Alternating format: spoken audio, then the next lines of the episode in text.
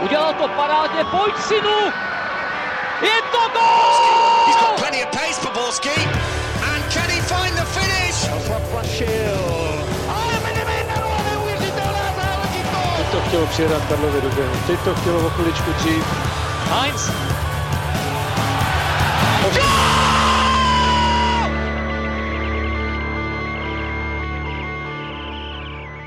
Dobrý den. Uplynulé ligové kolo přineslo mimo jiné odvolání kouče Jarošíka či zaváhání Slávy i Plzně, ale my se v novém dílu Football Focus podcastu budeme věnovat i návratu Martina Pospíšila do Sigmy a nebo startu druhé ligy. A na to všechno a mnohé další je tu s námi expert Zdeněk Folprecht. Ahoj Zdeňku. Dobré dopoledne všem, ahoj kluci. V dresu Deníku Sport nechybí Michal Kvasnica. Ahoj Michale. Hezké pondělí všem, akorát ten dres teda nemám. no a barvy webu ČT Sport.cz tradičně hájí Pavel Jahoda. Ahoj Pájo.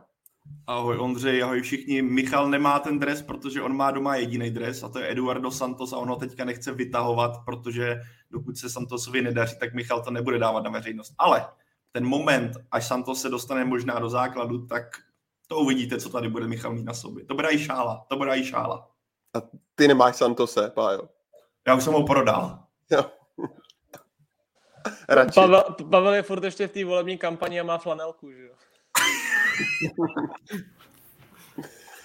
tak pojďme na to. Od mikrofonu zdraví Ondřej Nováček a rovnou si dáme takové vykupnutí na úvod. Kluci, jaký stadion v Česku a v zahraničí máte rádi, respektive na který byste se chtěli ještě vrátit a, a nebo se tam podívat třeba poprvé?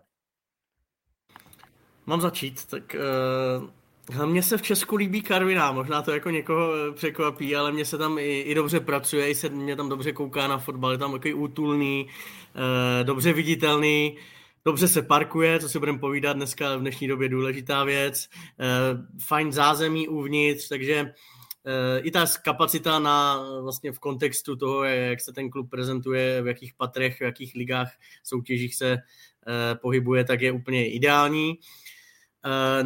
Kdybych měl na první dobrou říct dva stadiony nebo tři, který bych doporučil, který ve mě zanechali nějakou stopu, tak řeknu Fulham, Craven Cottage, řeknu Juventus a ten nový stadion z roku 20, 2011, ne ten starý Dele Alpy a řeknu Puškáš Arenu v Budapešti, asi vy, kdo, kdo byl na Euru, kde hráli Češi proti Holandsku, tak asi neřekne nic jiného. No a Sen, Sen je La Bombonera, Buenos Aires.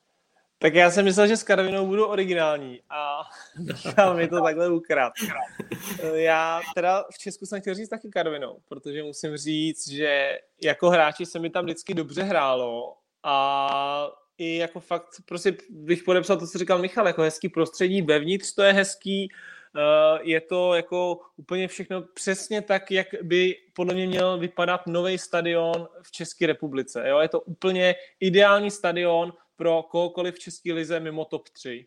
Jo, je, to, je to jako hezký a e, kdybych měl říct venku, tak e, mně se líbilo, když jsme hráli třeba, hrozně se mi líbilo na Chroningenu, když jsme hráli v Holandsku, to je taková karvina na steroidech trošku, mi přišlo, protože je to tam jako taky takový zelený, akorát prostě opatro větší, takový zelený Eden, ale hrozně moderní hala a samozřejmě tam spojený s tím, jako že jsme tam vyhráli a prostě a, a, a tak. A kdybych, kdybych ještě měl říct, tak ještě se mi hrozně líbilo, i když vlastně ten stadion byl jako hnusný, když jsme hráli PAOK Soluň, ale, ale ta jejich jako ta jedna ta tribuna vzadu, tak eh, ty měly jako strašně bouřivý fanoušky, takže tam spíš ta atmosféra, jinak ten stadion byl vlastně hnusný, když tak teďka o tom přemýšlím. No. A, a jinak bych se chtěl podívat určitě do Anglie, kde jsem na fotbale jako fanoušek ještě nebyl a jako fanoušek Arsenalu, tak, tak by to bylo právě Emirates Stadium.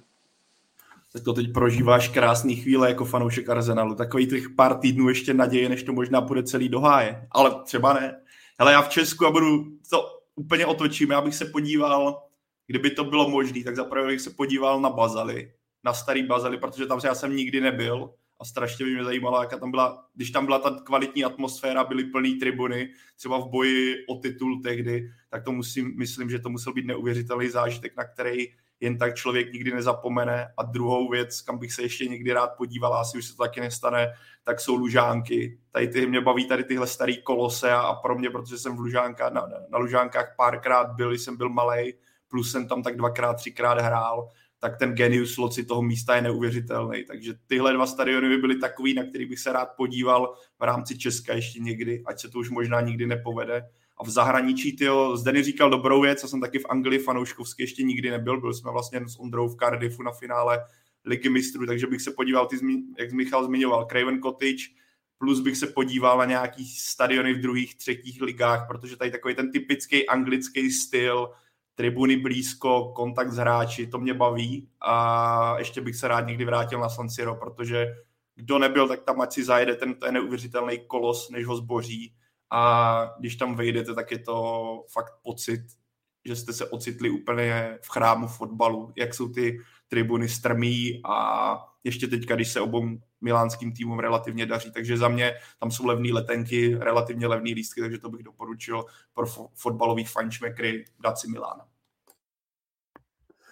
Lukáš Havlina píše, že Hradec bude nejhezčí ještě zdravíme taky na Slovensko. Karol Bédy píše, krásný stadion máme i u nás v Nitre, žal, fotbal skončil na druhu uh, delší dobu. A Tomáš Révaj, uh, zklamali jste mě, hoši, co to, to, jsem, to jsem přemýšlel, jestli zmínit eh, a udělat reklamu našim sousedům, protože já si myslím, že třeba stadion, jaký je na Tehelném poli nebo i v Trnavě, tak jako víceméně v Česku nemáme, klobouk dolů a jsem rád, že někdo zmínil i tu Nitru, tam jsem byl taky s baníkem na soustředění, nebo Senica a tady to, to jsou přesně ty uh, stadionky ve stylu té Karviné, hodně útulný. Ale jsou tam, ať zase jenom to tady nemáme růžový brýle, kluci ze Slovenska mě poslouchají, majte, máte tam i takový stánky, které tady nejsou ani na divizi, jo? takže ten kontrast je obrovský. Tak jo, pojďme do Teplic, které se na jaře trápí natolik, že se vedení Severočechů rozhodlo odvolat kouče Jiřího Jarošíka z tvého pohledu, eh, Zdeňku. Chápeš to? Eh, z výsledkové roviny to vlastně chápu, protože na jaře je to šest zápasů a je to pět proher jo? a remíza možná v tom jako jednom z nejtěžších, eh, kdy měli doma slávy. Takže výsledkově asi jo, ale já se furt nějak jako nemůžu zbavit toho, že to, jak to jako proběhlo i těma médiama, to, jak tomu došlo, k tomu vyhazovu, takže to vlastně nebyla jako úplně ta nej asi šťastnější cesta, jo?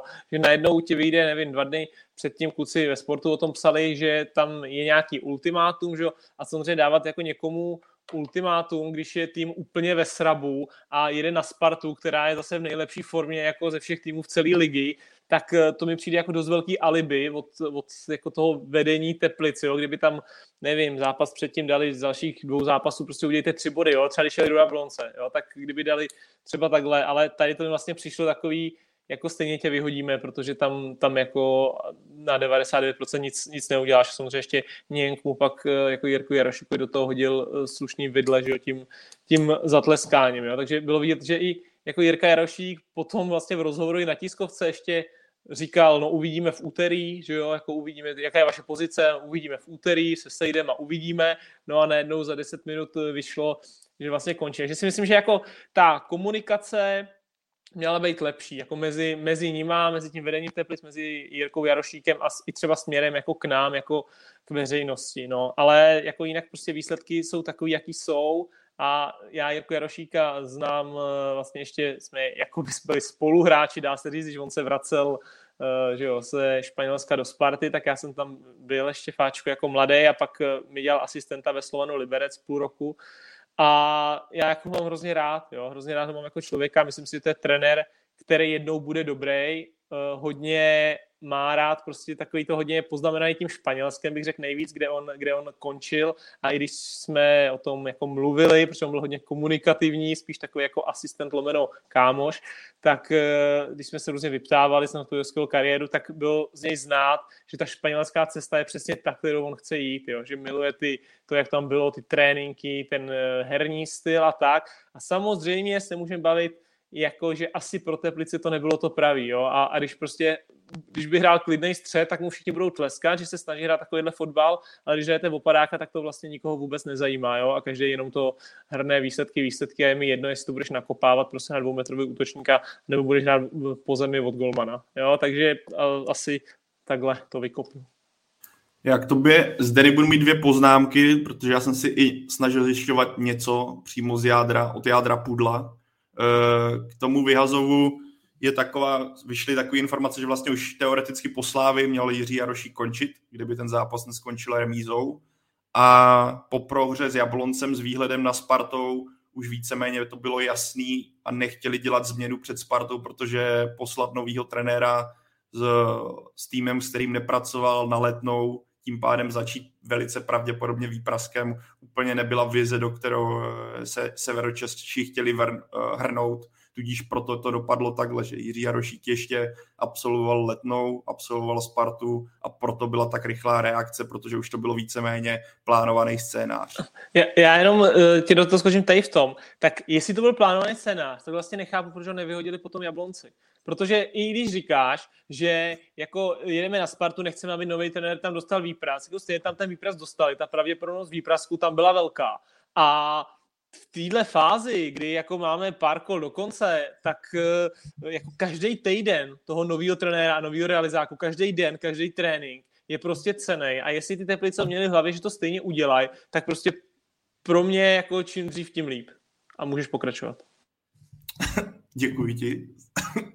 Ale a dodám jenom k tomu, tam je krásně zároveň zde vidět, že uh, jak když v českém prostředí někdo se snaží hrát fotbal, s tím týmem, ať už jakýmkoliv, jak je pozitivně vnímá. Řekněme, že v mých očích, a nevím, jestli to cítíte stejně, ale když se podíváme na Českou ligu, tak takhle dobrý PR, jako má třeba Jiří Jarošík a Radoslav Kováč, tím, že se snaží hrát fotbal i s týmy, který bojují o udržení, nemá skoro žádný trenér, že by byl takhle pozitivně eh, vnímaný a priori jenom na základě toho, jak se snaží hrát. A teď to nemyslím nějak špatně vůči tím trenérům, v žádném případě. Jenom jsem chtěl říct, jak eh, když se mluvilo o tom, jak Jiří Jarošík končí, tak eh, to bylo velký zklamání na základě toho fotbalu. Já, za mě mě taky bavilo sledovat, mě baví to, když se někdo snaží hrát fotbal. Pro mě akorát je tam to B, že Jiří Jarošík, eh, mě chyběla od něho větší flexibilita, trochu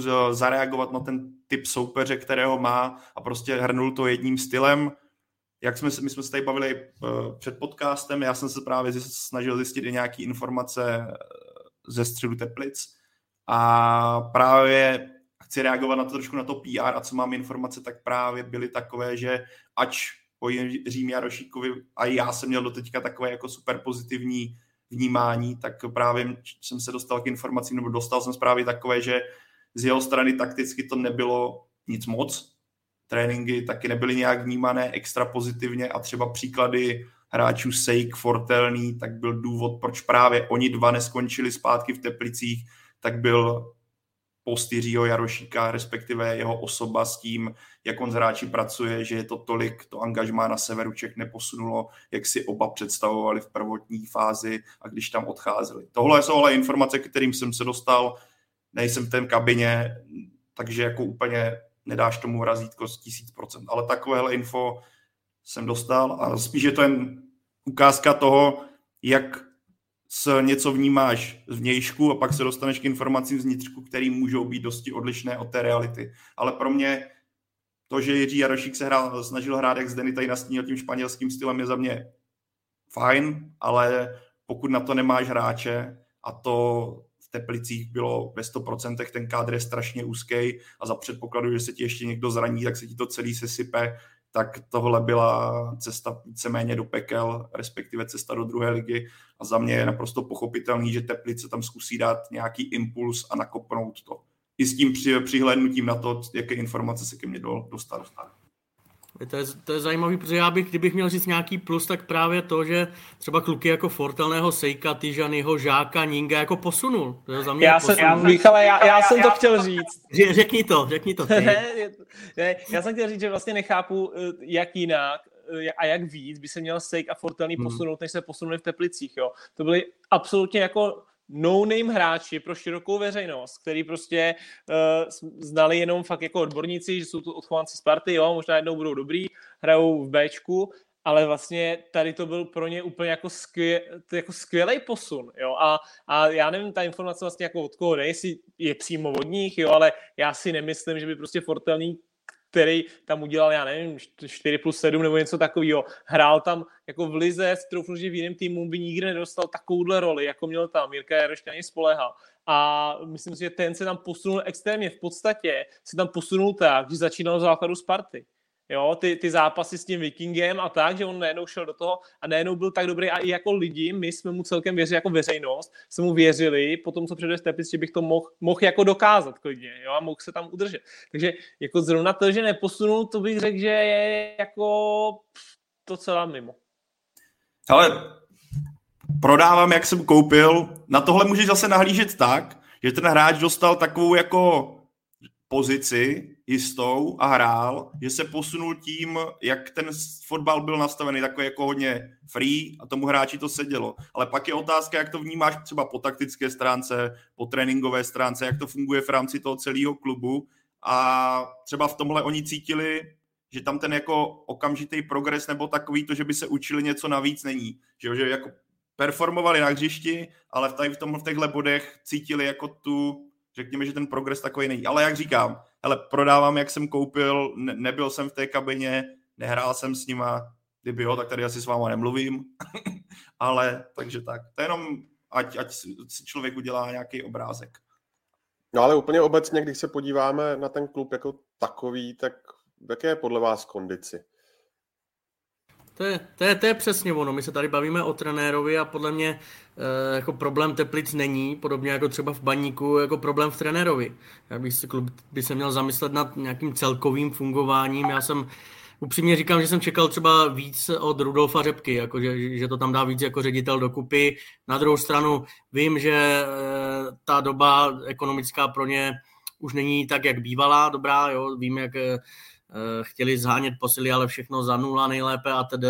A samozřejmě to koresponduje s kvalitou kádru. To je, tam, tam si myslím, že eh, bychom měli začít. Eh, on je jako pár zajímavých hráčů, dobrý, a zbytek je druholigový. Sorry kluci, ale ta kvalita prostě na nejvyšší soutěž jako není a Jo, jasně. Jiří Jarošík má asi nejméně uh, bodů nebo průměrný bodový zisk. Díval jsem se kolem jednoho bodu nebo 1,00 přesně na zápas za posledních deset let, co tam byli trenéři od Lukáše Přerosta. To je prostě fajn, uh, to je fakt, ne fajn, to je fakt, ten se nedá okecat, ale prostě jako ten, ta kvalita kádru není. Jo, a Pavle, ty jsi říkal uh, o tom PR, o tom Radkovi Kováčovi, o Jirkovi Jarošíkovi, já bych neřekl, že to je jako PR, že by to uměli nějak s novinářema s náma nebo něco, ale právě proto, že eh, v tomhle jako českém rybníčku je, je jejich způsob hry jako něčím ojedinělý a proto jako my to všichni tak jako vyzvihujeme a baví nás to. Až tady bude 12 eh, ze 16 klubů hrát jako fakt fotbal a ne běhat fotbal, tak eh, to nebude nic jako zajímavého a budeme se o tom bavit úplně normálně, jo. Ale spíše na nějakou debatu jako u piva, bavil jsem se s jedním člověkem, že tohle si většinou dovolí jenom trenéři, kteří na fotbale nejsou existenčně závislí. Vemte si eh, Radek Kováč, Jirka Jarošík, asi nějaký ten eh, polštářek z těch kariér hráčských jako mají pod, eh, pod postelí a oni si můžou dovolat, dovolit dělat prostě ten fotbal buď to po svém, anebo vůbec. A tohle mi je jako zase sympatické, protože všichni víme, že jsou i trenéři, prostě, které, jejich důstojnost, nějaká hrdost, autorita jde stranou. Jo? Oni si nechávají se prostě od, od šéfů před hráči ponižovat, nechávají si zakazovat střídání přímo v poločase v kabině od šéfů nachystaná střídání, nechávají si vulgárně nadávat, nechávají po sobě, eh, nebo nechávají se kontrolovat na tiskovkách od šéfů, který si sedne a kouká na to, co kdo tam jako říká, nechávají si dávat do smluv jako časy, kdy mohou po tréninku nejdřív opustit stadion, někdy vidí eh, hráče v kabině, o kterém vůbec neví a tak dále. Takže já jenom chci říct, že tenhle kontrast je mi na druhou stranu sympatický, na druhou stranu vím, že oni si to můžou dovolit, protože spousta těch jiných trenérů je prostě eh, to, jako otočí hlavu, dělají, že to nevidí, jenom aby cinkla výplata a oni se udrželi na jedné z těch 16 prestižních židli v, jako v té první lize, takže z tohohle pohledu mě je to sympatický, ale problém Teplic je podle mě jako úplně někde jinde. Jako všechna čest třeba za to, jak veřejně mýval předseda představenstva Pavel Schedlbauer k Romanu Berbrovi výtky, jo, přestože za to bývávali prostě severočeši pravidelně byti rozočími. Takže ještě jednou klobouk dolů, protože jsou tady v lize funkcionáři, kteří mají ještě teď speciální SIM karty s jediným číslem v telefonním seznamu na velké velkého taťku Romana, ale prostě sportovně jdou Teplice dolů a je vidět, že finančně to taky není ono. Jo. Vím, že Ning za 3 miliony korun, fajn, ale to byl pro ně jak úplný strop a zbytek ani za toho kuše nemohli si dovolit nabídnout ani v létě a to byl za třetinovou částku, co byl teď k mání. Takže není to úplně o trenérovi, si myslím já. Ale to, Michal, já jsem to PR právě myslel tak, jak jsi to nastínil ty, já jsem to nemyslel tak, že okay, ja, ja, dobrý. o novinářích, ale právě v tom, že když některý trenér se s týmem snaží tady hrát fotbal, tak je to natolik pozitivně vnímaný, že třeba přehlíží některé prvky, který bys u jiných koučů vnímal úplně jinak a byl bys k tím třeba více kritický. A to nemyslím novinářský, myslím to celo, celospolečensky, co se fotbalu týče.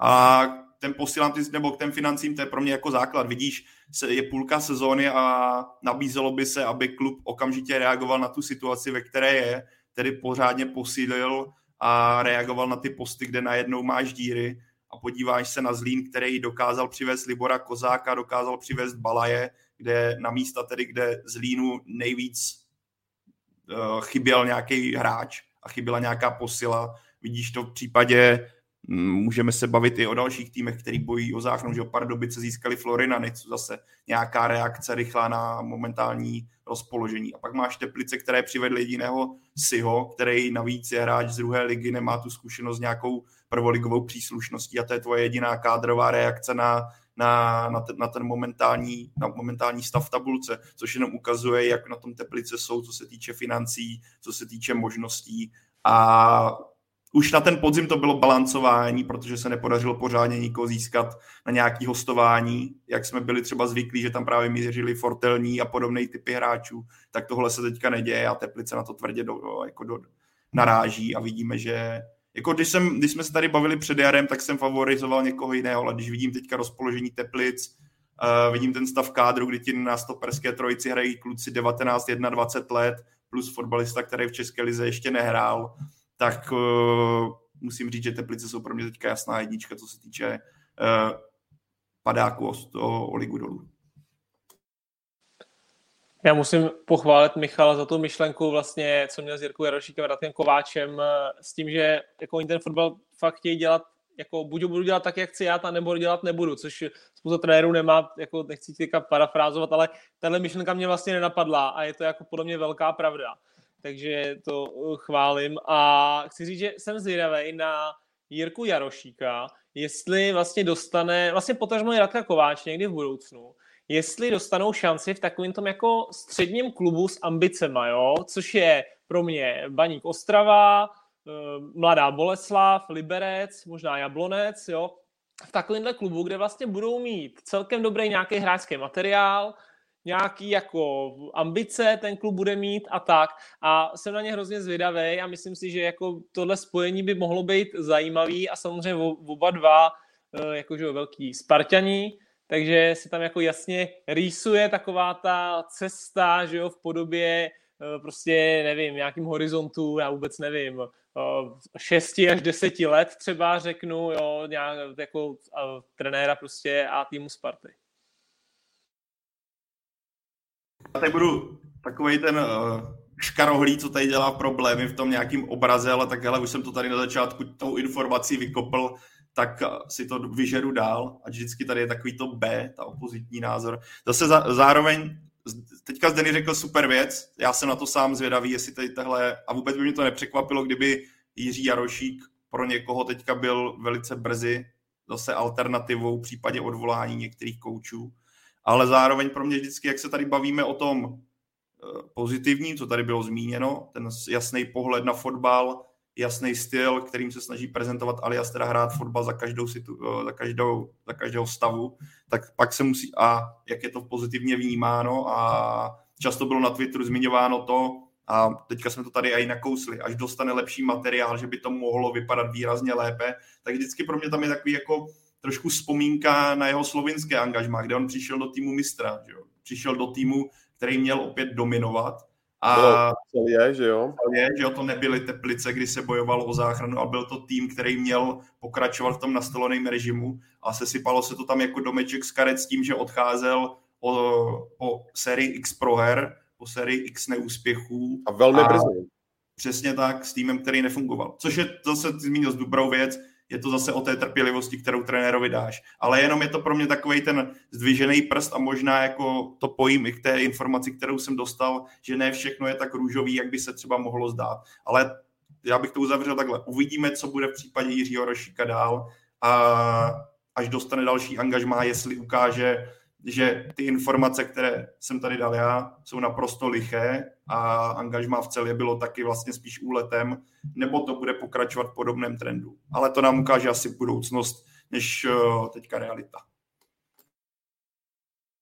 Ještě když tady padala ta různá jména, která mm, prošla teplicemi, tak Kristof Burger správně podotýká ještě Dominika Pleštile jako reakci na zranění a taky Nemaniu Mičeviče, to je jenom uh, takový dodatek. Zajímá mě, kluci, zda v téhle situaci, ve které se teď Teplice uh, nacházejí a nacházet pravděpodobně taky dál budou, bylo zapotřebí uh, nějakým způsobem uh, jako téměř nejzásadnější věc vylepšovat PR a, a avizovat představení nového loga nebo respektive nové vizuální identity toho klubu. Michal se směje, co říct? Ne, tak jako, tak to souvisí s tím prostě, že se stébl, tonoucí se stébla chytá. Myslím, že by měli začít jako úplně, úplně jinde, no. Je to fajn samozřejmě marketingově, ale nevím, no, myslím, že teď mají jako jiný starosti a ať už teď tam přijde úplně někdo, bavme se teda konkrétně, k favoritem je Zdenko Frťala, to víme, eh, psali jsme už sobotu, nečeká ho nic jiného jednoduchého, protože Třeba konkrétně k tomu panu Frtělovi. Já teda udělám si takhle oslý můstek, já se tam nebudu bavit o logu, nejsem tady grafik nějaký nebo něco, ani marketák. Já jsem s ním několikrát mluvil, když trénoval Hradec Králové a on na mě udělal jako fajn dojem. Přišel mi jako fajn chlap, a, ale bylo to i tím, že otroci tehdy měli jasnou nějakou tříletou koncepci, nějakou vizi, na které Zdenko Frtěla jako kompletně participoval a jejímž vrcholem měl být postup. A ono se to povedlo. Jo? Já si pamatuju, jak oni postupně uh, s Jiřím Sabouem přiváděli hráče, nějak to stabilizovali, udrželi kapitána Adama Vlkanovu. No a ta poslední sezóna už fakt byla postupová. Takže já jenom chci říct, že když máš nějaký jako cíl, nějakou fakt vizi, koncepci, je úplně jedno, jak tomu budeme říkat, eh, dosadíš do toho správný lidi a fakt něčeho se držíš. Ten Hradec měl výkyvy taky, ty první dvě sezóny nebyly úplně ideální. Já si dovedu představit, že v 80% klubů by toho frtělu prostě vyhodili a celý to zmuchlali úplně pryč, ale vydrželi, vyplatilo se. Jo? Tak, takže pokud takhle Teplice začnou přemýšlet podobně, neříkám, že se má něco kopírovat, ale nějak takhle třeba, tak to může jako klapnout, ale pokud ne, tak jako nepomůže ani Arteta, ani nové logo, ani límečky na dresech, nic. Jako v případě Frtěl je určitě pozitivní fakt, že v tom klubu v současnosti je a není to trenér, který přichází, nebo jestli přijde samozřejmě, ale ta pravděpodobnost je velice vysoká, tak není to kouč, který ti přijde do klubu, který víceméně nezná, bude ho muset studovat, okam, na, okamžitě poznávat nové hráče. V případě Zdeňka Frtěli tím, že tam teďka pracuje, tak tohle bude, řekněme, krok, který odpadá, což je pro Teplice výhoda. A jenom k logu, ať teda někdo něco k tomu plácne. Já, já bych je za tohle svým jako nekritizoval. Tohle není projekt, který si uděláš za týden, tohle je projekt, který, na kterým pracuješ, já nevím, rok, dva, než se všechno vyladí, než se teda rozhodneš pro tuhle grafickou změnu, než připravíš různý PR články a že to vyšlo zrovna na tohle období, je pro Teplice dosti specifický a můžeš to právě, když to položíš takhle do toho kontextu, tak je to takový jako hořko-sladký, ale zrovna jako za volbu loga bych do Teplic teďka netepal. Myslím, že to je ta, ten poslední problém, který teďka tam je na zvoleným termínem. Naopak, když to vezmu z fanouškovského hlediska, tak to video, kterým na to ukazovali a udělali takový trailer na to, co přijde, tak za mě bylo velice povedený. Byl tam tuším Marek Taclík, Ondro, ty, ty budeš vědět ty jména. Ano, to je, je to velký fanoušek Teplice. Tak, tak. A za mě to bylo jako v rámci toho českého prostoru, když vidíš, jak se pracuje s PR materiálem a marketingově, tak za mě bylo tohle jedno z nejlepších videí a obecně takových jako marketingových tahů, který jsem za, za dlouhou dobu v Česku viděl. Což, takže za mě v tomhle směru, jestli něčem teplicím tleska, tak tohle to, za to video, ale to, to jako odbočím jinam a nejsem marketák ani tak, takže to je spíš jako můj pohled na danou věc. Jo, já si taky myslím, Teplicím se na jaře povedly, řekl dvě věci a to je zápas ze Sláví a to video. Jo, takže uh, jako to video se mi taky moc líbilo, to, to jsem taky tleskal, ale jak se tady o tom bavíme, nebo jak to vlastně říkal Michal, tak mě to přijde, že to je jako takový klasický jako český prostředí, jo, vlastně když se uh, někdo snaží jako něco udělat trošku navíc, řeknu pro ty fanoušky, tak jako ta veřejnost ho hned sekne a řekne, no jo, hlavně, že děláte blbosti, ale radši kdybyste hráli na hřišti. Jo, to je, to je úplně taková jako klasika. Já vím jako i z vlastní zkušenosti, vždycky jsem takový jako, nevím, optimista, jako, jako jo, a takový pozitivní kluk a když se samozřejmě vyhrávalo, tak to bylo všechno super, že jo, tak to bylo furt jako, jo, folk udělali nějakou srandu, tamhle udělali vtipný rozhovor, něco to. A když se prostě prohrávalo, tak to bylo, no, protože si z toho děláš jenom, jenom prostě prdel, že jo, no a, a prostě jo, takže to je jako, myslím, že celkově to takhle nastavené, když se kouknu třeba, nevím, jak jako v NHL dělají ty zápasy, kde prostě jezdí, kde na Winter Classic jezdí oblečený jako baseballisti a jezdí tam v šustákovkách z 80. let, z barevných, jo, tak eh, to tady není možný, protože si dokážu představit, že bude derby, jo, a Sparta bude takhle něco slavit a přijede tam přesně, nevím, 120 let klubu a přijede tam nějakých bekovkách oblečený jak Picky Blinders. Bude to jako úplně skvěle udělaný. A Sparta pak v tom derby prostě prohraje a 90% té veřejnosti řekne, děláte kraviny, kdybyste radši to jako spořádně hráli a makali. Jo, takže tady to jako český prostředí přesně k tomu svádí a tak trošku mi to mrzí, protože samozřejmě pak každý, kdo se někdy snaží něco vymyslet, tak jako si musíte jako časovat, jako počkejte, až se nám bude dařit, jo, musíme počkat, až vyhrajeme, teď se nám nedaří. Takže to mě jako mrzí a myslím si, že by jako víc originálních nápadů třeba vznikalo, kdyby uh, jako to bylo trošku zdravější, to prostředí. Michal, jak si správně podotknul, tak Zdenko Frtěla postoupil s Racem, ale předtím taky postoupil i s Varnsdorfem do první ligy, když oni pak tu mm, přihlášku vlastně eh, nepodali. Dá se podle tebe říct, co je těžší mise, jestli postoupit do první ligy, anebo když ti hoří koudel se zachraňovat? Ty jo, to spíš to bych nechal Zdeňkovi jako z pohledu hráče, ale jako tlak asi obě stejný, ale Tyjo, asi záleží jako případ od případu, jako neumím ti Ondro jako říct, myslím si, že nebo takhle, určitě, nebo trenéři tvrdí, že jako hrát o holý život, to znamená jako na tom spotku, je něco jako hroznýho, jo? že se špatným stává, špatně se o tom přemýšlí a takhle.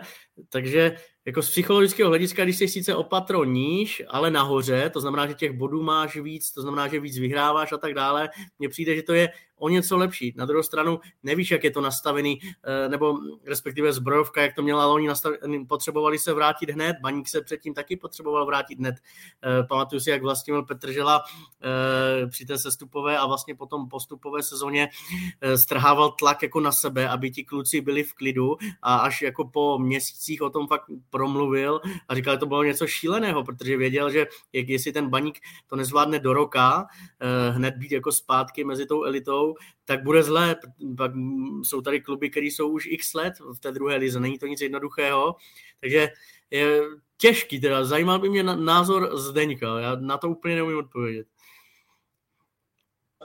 Já myslím, že pan Frtěla teďka v podstatě jako nemá, nechci, že nemá co ztratit, samozřejmě on to může ztratit strašně moc, protože se stoupěj, ale vlastně svým způsobem, přesně jak říkal Pavel, když se teďka asi zeptáme jako tady nějakých, nevím, 100 jako expertů řeknu, nebo jo, takovýhle, co se o fotbal zajímají, ať nám řeknou jednoho sestupujícího teďka, tak eh, si myslím, že jako 80% jich řekne ty teplice. No, takže vlastně je to trošku, jako bych to připodobnil k tomu, jako když on postupoval třeba s tím Vansdorfem, že od toho vlastně nikdo nic nečekal, od toho Vandáku tenkrát. Jo. A oni prostě jeli a udělali to. Takže jestli teplice se stoupějí, tak jako to nebude chyba Zdeňka Frťaly, a jestli nesestoupěj, tak bude Bůh.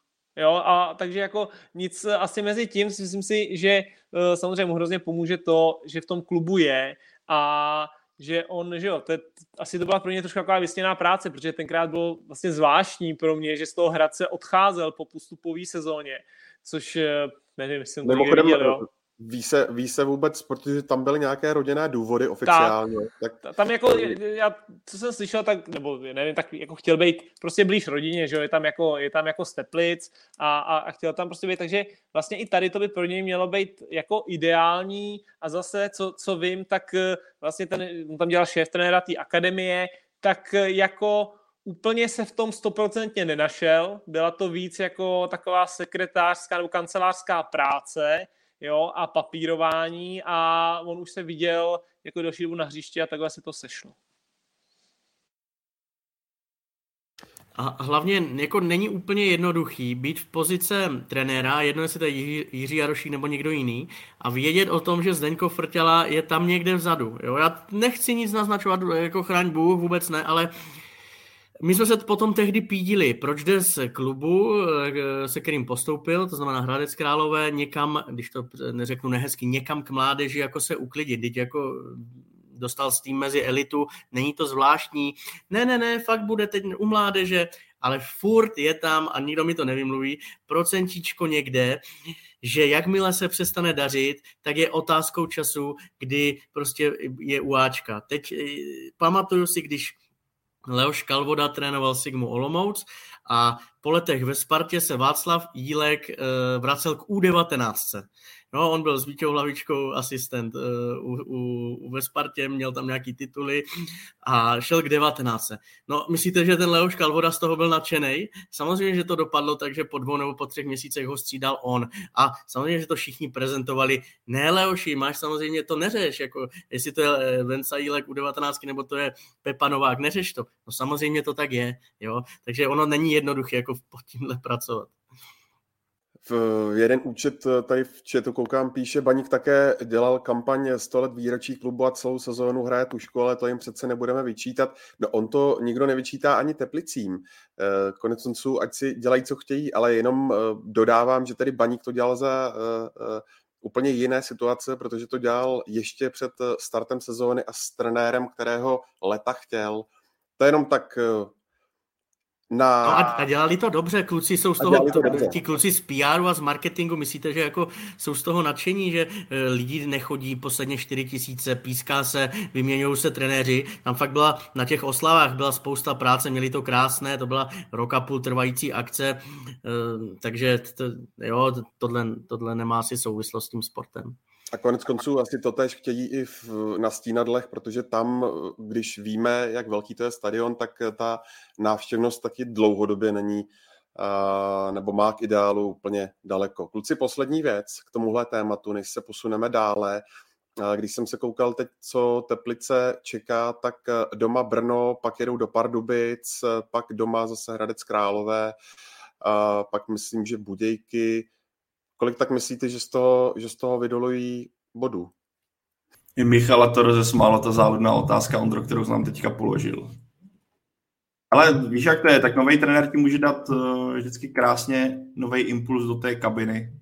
A vyjmenoval tady kluby, který jsou hratelný, ale zároveň je tam to B, jsou to přímí konkurenti v boji o, uh, o udržení, nebo velká část z nich, jestli se nepletu. Tudíž pro Zdeňka Frtělu to bude určitě lepší start, než jít na Spartu, eh, kde počítáš s výpraskem, ale zároveň teďka to bude start ve stylu, teďka fakt něco potřebujeme uhrát.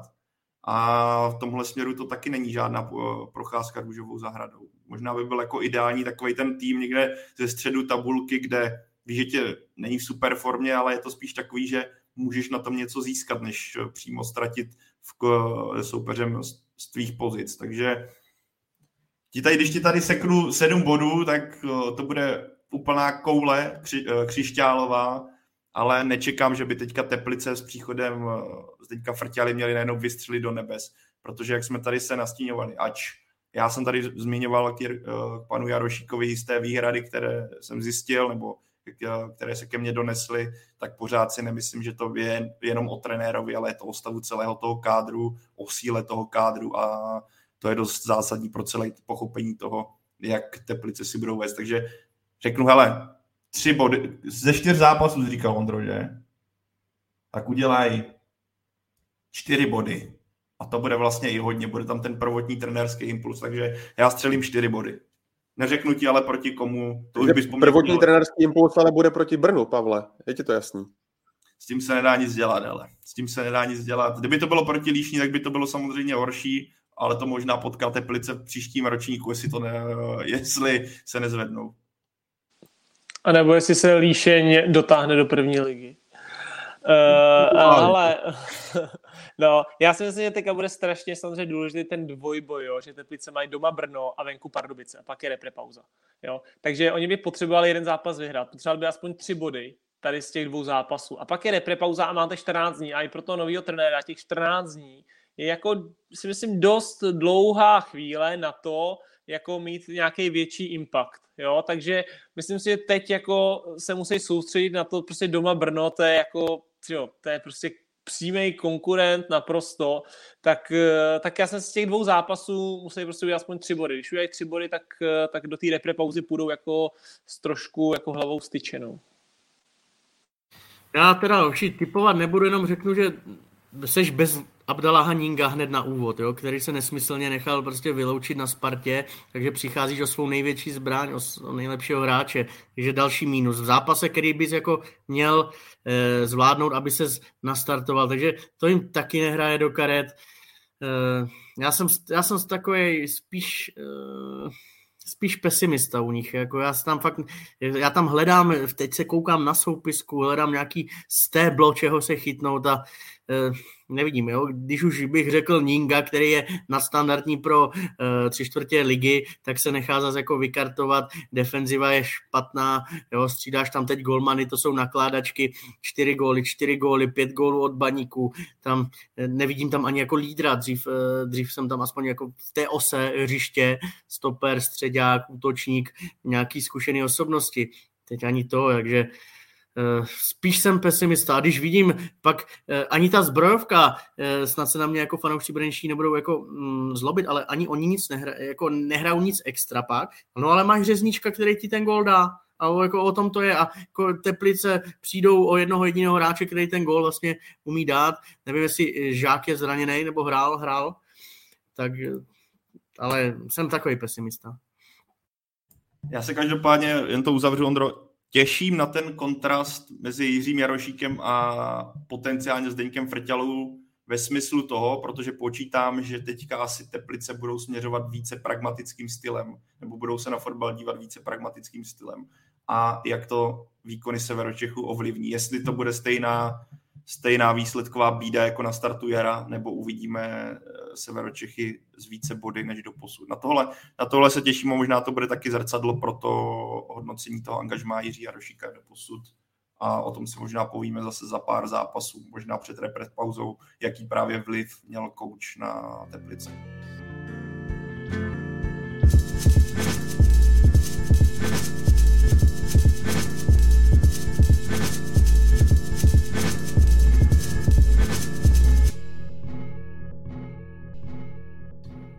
Tak jo, pojďme si dát eh, takovou odbočku do Olomouce, protože ta přivedla zpátky svého odchovance Martina Pospíšila a zároveň se stává remízovým králem ligy. Ty si, Michale, o návratu Martina Pospíšila psal už někdy před nějakými 14 dny, takže předpokládám, že u tebe to úplně překvapení nebylo.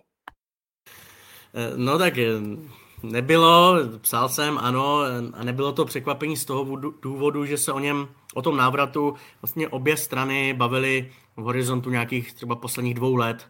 Takže z tohohle pohledu to nebylo něco jako, že cvák, jako přijde tady Tomáš Kalas. Eh, ne, tohle jako byla plánovaná věc. Ale eh, překvapivé to bylo z toho důvodu, že k němu došlo. Michale, ano. přijde Tomáš Kalas? ne, ne, ne, nedávejte to nikam do titulku nebo tak něco, jo, to jsem jenom dal jako takhle, jenom už, jsem chtěl, už jsem chtěl přepisovat titulek jo. Kalas do Olomouce, otazník. Jo, jo. Uh, co jsem to chtěl říct, že, překvapivé to bylo, že k tomu došlo takhle a v tomhle období a za takových podmínek. Jo? Tohle je všechno, když si člověk pak jako poskládá nebo nějak se zjistí, zjistí si informace, tak to překvapení je. Jo? Chytráci, kteří tvrdí, že Martin Pospíšil na návratu eh, do Olomouce neprodělal, tak by si možná měli fakt jako zjistit fakta, protože ten kluk nechal v Polsku zhruba 4 miliony, aby se mohl vrátit domů do milovaného klubu. Jo? A v tom už započítávám i bonus od Sigmy, který je mimochodem naprosto průměrný v porovnání s ostatními posilami i s ostatními rádoby posilami a tak dále. Takže opakuji, ten kluk je minus 4 miliony, takže za to jako já tleskám a říkal jsem si, jestli fakt k tomu dojde, tak Martine klobouk dolů. Ne všichni jsou takového charakteru a nemyslím to špatně, nebo nejen charakteru, ale někdo potřebuje zabezpečit víc, někdo to má jinak nastavení. Jsou hráči, kteří jdou jen tam, kde dostanou určitou cifru. Nebudu jmenovat, ale zrovna jeden jeho současný spoluhráč, když nedávno přestupoval na Andrew Stadion a ptal jsem se ho, proč teda zrovna Sigma a ne jeden nejmenovaný český klub, který uh, o vás taky stál, tak odpověď zněla, ono se to rozhodlo nějak samo, no nerozhodlo se to samo, jo, samozřejmě tam ti, ti splnili požadovaných 130 měsíčně, dali ti 700 na ruku, takže ne samo, ale to jenom chci dát do kontrastu, že ten Martin Pospíšil fakt nechal jako dost peněz. A já mu teda přeju, když si Pavel, Pavle tady zmínil Tomáše Kalase, tak aby on jednou, až se bude se Sigmou loučit, tak aby to bylo jako důstojné a aby to bylo na úrovni, aby to nebylo třeba jako loni eh, s Romanem Hubníkem, to by byla škoda, když už opravdu jako on udělá takový ústupek, úkrok, klobouk dolů. Michale, ty těm fanouškům mi dáváš strašně zabrat, protože tady jako vykopneš potenciálně kalase samozřejmě, to ti zatočí hlavu a pak tady dáváš tu potenciální, nebo tu posilu, která přišla za ty peníze, takže okamžitě ty mozky začínají šrotovat, kdo teďka došel do, na Hanou a kdo by to mohl přesně tenhle hráč být. Ale to je ideální, je pondělí, potřebujeme ty hlavy trošku rozehřát a dostat do tempa. Já jsem neřekl, že to bylo teď. Víc, no, víc no. ze mě netahy. Můj mozek taky šrotuje, jak to od té doby, co to Michal řekl jsme na tom, ale jsme na tom stejně okamžitě, že tam začali naskakovat jména a říkám si, mm-hmm. Mm-hmm. No, tak eh, Martin Pospíšil, já ho znám dobře, protože je to můj ročník, hrávali jsme proti sobě všechny, nevím, mládežnický prostě kategorie, jo, vždycky že jsme byli proti sobě střední záložníci, takový podobný typologicky trošku, takže jako dobrý kluk a jsem vlastně rád, že se vrací, protože vždycky se mi fotbalově fakt líbil, takovýhle hráče mám rád, neměl jsem ho samozřejmě dlouho teďka na očích, nějakých pět a půl roku. A taky bych eh, jako se jenom vypíchnu to, co říkal Michal, Prostě to, že tam nechá jako já nevím, jestli jakých 16 platů, jestli to je vlastně rok a půl ještě smlouvy, jo. To, že tam nechá 16 platů a, a jde jako objektivně s penězma dolů, tak, eh, tak je pro mě, můžu říct, že vlastně asi i trošku překvapivý, jo. A je to jenom znak toho, že ten kluk prostě chtěl jako domů a chtěl konkrétně do tady toho týmu. Jo? Já si myslím, že on i, i v tom Polsku, jaký si udělal jméno, tak klidně mohl ještě tam zůstat nebo jít ještě do jiné země. Jo? Ale, ale tady to je jako přidaná hodnota toho kluka. Myslím si, že Martin Pospíšil by mohl být velkou posilou pro, pro Sigmu Olomouc. Nevím, jestli hnedka, nebo jestli třeba od příští sezóny, ale, ale vlastně se na něj těším. Ono to bylo já krás, si, Já promiň, já jsem si jenom v rychlosti zjišťoval teda ty první dojmy, ale z jeho okolí, ne od něho samotného, protože ten je samozřejmě vysmátej, že je doma, ale z jeho okolí a říkají, eh, v Rapci štěbetají, že tak pozitivně naladěnýho kluka, jak to tady jako rozářil, oživil celou kabinu a tohle, že jako dlouho nezažili, takže navazuju na ta Zdeňkova slova, že nejen na hřišti, ale i tak jako celkově by to mohl jako posunout do nějakého pozitivna. Já, já přidám teda svůj jako hráčský pohled, že uh, tak to prostě je, že když jste jako dlo, díl v zahraničí a on tam byl fakt dlouho, jo, já jsem vlastně v jednom kuse byl v zahraničí nejvíc dva roky, si myslím, a i po těch dvou letech, když se vrátíte do té české kabiny, tak najednou se cítíte jako skvěle, jo, protože tam máte tu češtinu, máte tam ty fóry, máte tam ty hlášky z těch filmů a, a, a všechno. A dovedu si představit, že on sice tam měl Tomáše přikryla, jo, ale prostě stejně se tam pět a půl roku prostě mezi 25 Polákama nebo jo, ještě jinýma na, na samozřejmě národnostma, ale takže jako uh, úplně chápu tady to, co říká Michal a jako Pospa byl vždycky pozitivní kluk, takže tady to se ještě bude násobit. Ale myslím si, že kdokoliv v podstatě přijde zvenku do Česka, tak nebavím se o tom, jak vypadá na hřišti, ale podle mě každý, když přijde do té české kabiny, tak je přesně takhle jako na, naladěný. Pamatuju si, že to říkal třeba i jako Milan Baroš, jo, který říkal, když se sem vrátil, tak on říkal, já už bych to, jako, já, já už ten fotbal hrát nemusel, že jo. A hraju to jenom proto, že prostě tam chci tady do té kabiny mezi vás, prostě mezi ty kluky, chci to ještě zažívat, protože jsem to jako v té Anglii, v té Francii, ani v tom jako Turecku, kde on byl za boha, s Tomášem Ujfaluším tam byli úplný kingové, jo, ale furt, furt tam jako jste dva, jo, a když to tady prostě máte jako těch kluků hodně, no. Hele, pět a půl let jíš za pěkanku, pak přejdeš, dáš si v Olomouci drápala, dobrou Plzeň, dáš si tam dobrý koleno, já myslím, že to se ti vrací taky jedna radost. Michal by to mohl potvrdit, já jsem to jako, já to prostě vůbec nevím, vůbec nevím, o čem mluvíš a ta částka taky nesouhlasí. A Michal tam má, když tam někdy dorazíte do té hospody, tak na, možná na baru uvidíte jméno Kvasnica rezerve, takže on tam má VIP flíček, takže on to může potvrdit. Kvasnicový pivo, to má svoje. A to moc nemusím paradoxně. To je škoda, Michal. Vepřový koleno mě tady pobavil komentář, pospíšil měří 178, jak já má 73 kg, to má o 17 kg míň. no. Uh... Ondro, ale kdyby, kdyby Martin Pospíšil teď začal chodit do Drápala velice pravidelně, tak možná ty kila dožene, ale to já počítám, jo, jo, že. Ne, tohle je odlehčení, aby jsme, z... já nevím, jestli Martin Pospíšil vůbec pije, jo, jenom.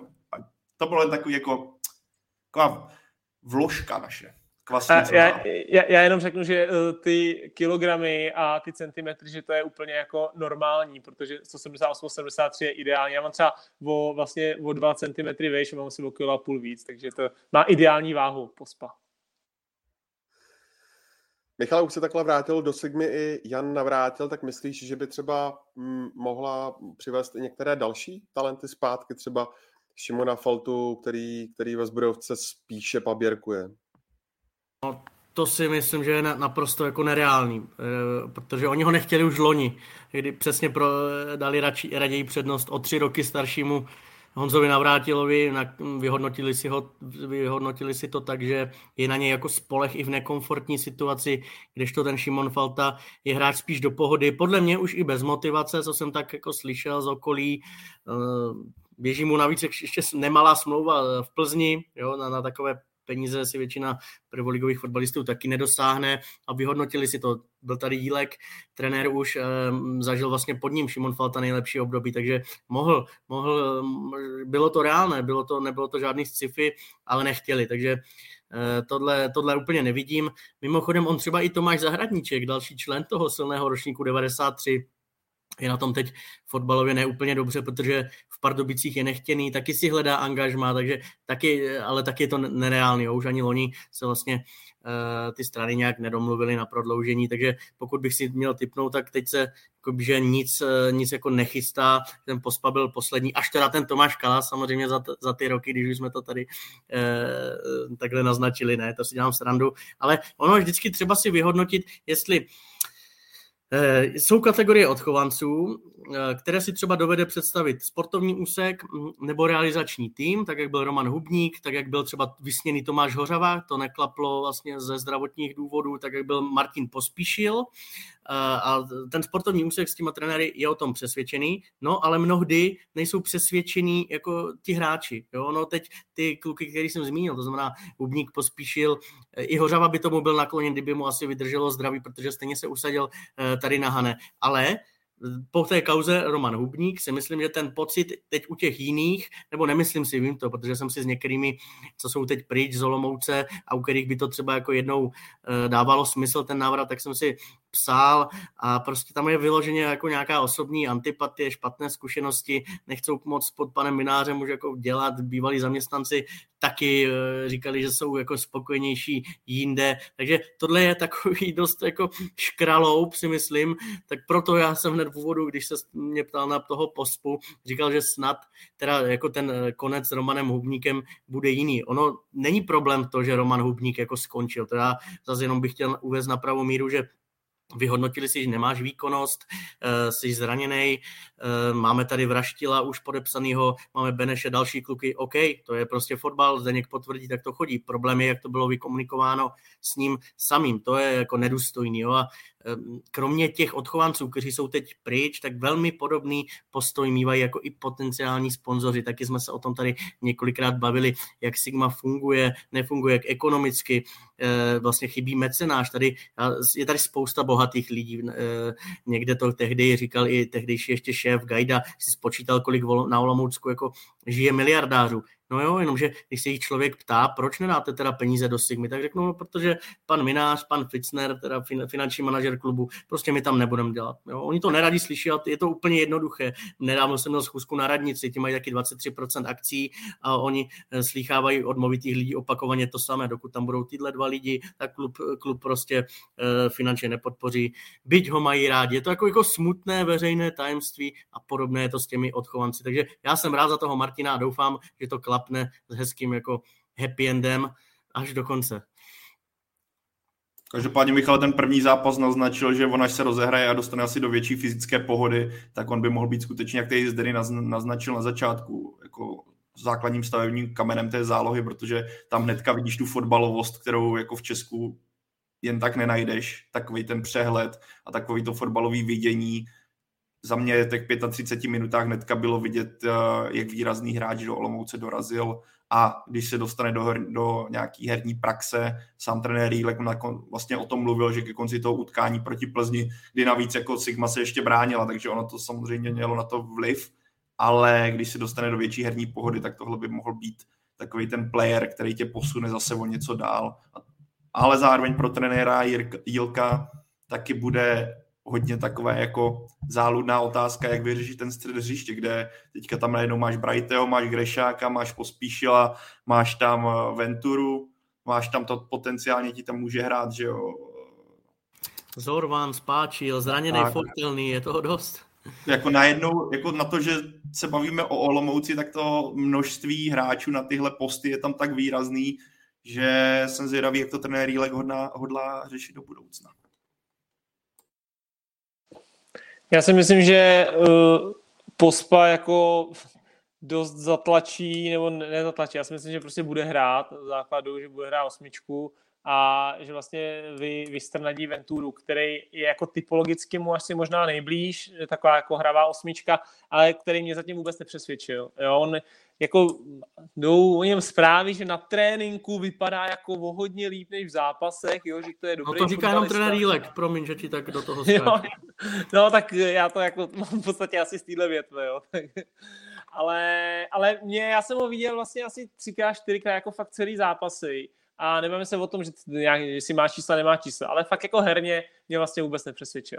Takže si myslím, že jako je to jako jasný, že v podstatě pospapuje místo něj, ještě když teďka jako Fortelný je zraněný, jo? To protože tam samozřejmě můžeš uvažovat o Fortelným na, tu, na tuhle pozici osmičky, který možná si myslím, že kdyby Martin Pospíšil nepřišel, takže by to třeba jako takhle dopadlo a Fortelný se nezranil. Jo? Že si myslím uh, nějak, že by možná to bylo tak, že by Fortelný nakonec třeba vytlačil toho Venturu. Jo? Ale samozřejmě tím, že se Fortelný zranil, a přišel pospíšil, tak já jsem sám zvědavý, až se jako Fortelný uzdraví, jestli uh, třeba, že jo, samozřejmě nikdo nemůže plánovat, jako určitě neplánoval, se zraní, že jo, ale jestli ten krok vlastně jít do Olomouce, půjdu do klubu, který chce hrát vejš o poháry, tak jestli si jako zpětně neřekne, ty mohl jsem mít zatím, zatím jako jedlem, že za Jirku Jarošíkem do těch teplic, jo, což samozřejmě nikdo neví. On kdyby tam hrál, začal hrát ve třech zápasech, dal dva góly, Olomouci se dařilo, tak řekne super krok, jo, ale to se jako můžeš koukat do minulosti vždycky a nějak si to jako sumírovat. Ale myslím, že Martin Pospíšil prostě hrát bude.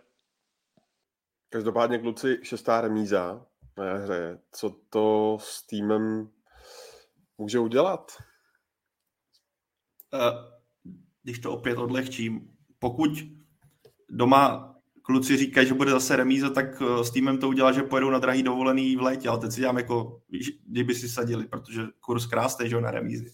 Ne, to je jako teďka, ať nejsem vedle Michala v titulcích, že něco naznačuju, že si dělám prostě jenom srandu, protože už jsme si udělali srandu z kvasnicového piva, dostanu to potom zaslouženě po, po, v komentářích, eh, dostanu takový jako přes pazoury, protože nemám mlet kraviny, jo. OK. Ale aby jsme se dostali... Pavle, my si většinou děláme srandu, jakoby, že to je i vtipný, víš, to je, to je rozdíl. No to je právě, já mám problémy, já mám problémy, že já se tomu směju většinou sám, víš, ten, ale tak ono se říká, že to je umění se smát vlastním vtipům a to je nejlepší vlastně. To je klíčový. Ale za, ne za mě. Pro, problém Sigmy, zatímco dopředu ta síla je, tak uh, směrem dozadu to nefunguje úplně tak, jak by si v Olomouci přáli. Za mě to je jako razantní bod, proč Sigma sbírá remízu za remízou. Ač jako taková série, to už je skoro jako umění dokázat jet v takovéhle linii remíza, remíza, remíza, to je snad čestá, jestli se nepletu.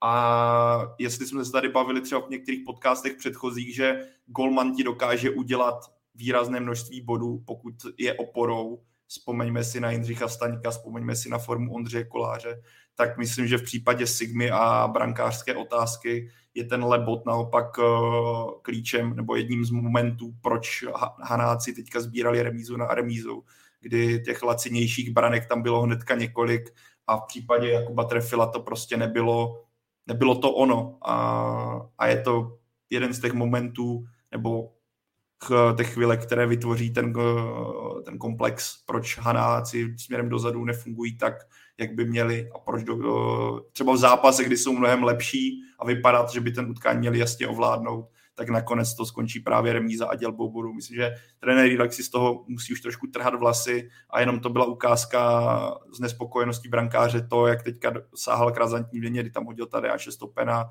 a trefil nebyl ani na lavici. Já nevím, jestli tady nebylo nějaký zranění, Michale to měl tak oprav, ale pokud ne, tak to jenom ukazuje, jak byl s brankáři spokojený trenér. A ne, je, to tak, jak, je, je to tak, jak říkáš, no.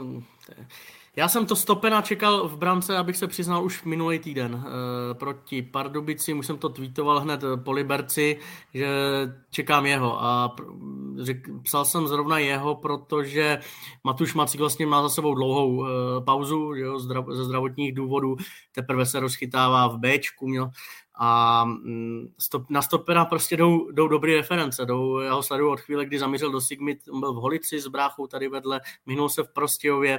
Vidím ho, jak roste, jak ho chválí trenéři, jak na sebe pracuje, eh, jak ho chválí spoluhráči okolí, takže tam jenom, to jsem rád, že tady jako nerezonuje za jeho věk, že mu bylo teprve na konci loňského roku 19 a že se zase nebavíme o tom, jestli to není moc mladý. Prostě má kvalitu, tak jdeš do brány a tr- sice za mě o chvilku později, než by mohlo, na druhou stranu, ať je zase nehaníme, eh, trefil jim, vychytal na podzim eh, taky body, takže já jsem chápal i, že jako drželi ho, podrželi ho, ale on už si potřeboval i psychicky odpočinout, si myslím, jo, tak jak do toho vletěl, do té ligy vlastně uh, ještě před rokem byl v druholigovém slovenském rohožníku a teď tady měl nulu proti Slávi a tak dále, takže na něho taky to byl velký skok a no hold prostě Stopen je lepší než Digania, je lepší než Fendrich a teď si to může dostat o tom, eh, nebo teď to je sice o tom, jak, eh, za jak dlouho se dostane Macík do optimální formy, na druhou stranu prostě on, viděli jsme, že to v Plzni zvládl s, s Grácí a úplně v klidu tady Sigma může mít eh, další kus, další kvalitní kus a v dalších letech třeba i dobře zhodnotitelný. U něj bylo krásně vidět hnedka ti to dám, Zdeny, jak uh, Stopen hraje skvěle nohama, že je to takový ten brankář přesně do toho moderního fotbalu a do toho moderního způsobu brankářského řemesla, že se neschovává, ale naopak tu pomáhá v té rozehrávce skvěle uh, stoperský dvojici, respektive celé obraně. A můžeš, sorry, sorry. Jo, jo. A jenom to jsem nechtěl říct, ale teď, když mluvíš o té hře nohama, kterou Stopen měl výbornou, tak teda hra nohama mladého Tondy Kinskýho, v zápase proti Slávě Praha za Vyškov. Jo. To teda byla velká extra třída, bych řekl. Eh, a roste nám tady podle mě skvělý golman Slávy, roste skvělý golman na hostování. Ale to je jako úplně, úplně mimo. Eh, samozřejmě, že jo, nakonec ta otázka byla vykopnutá tím, že jsou furt ty remízy a samozřejmě, jako, když prostě z šesti zápasů, tak je lepší třikrát vyhrát, třikrát prohrát, jo, vždycky.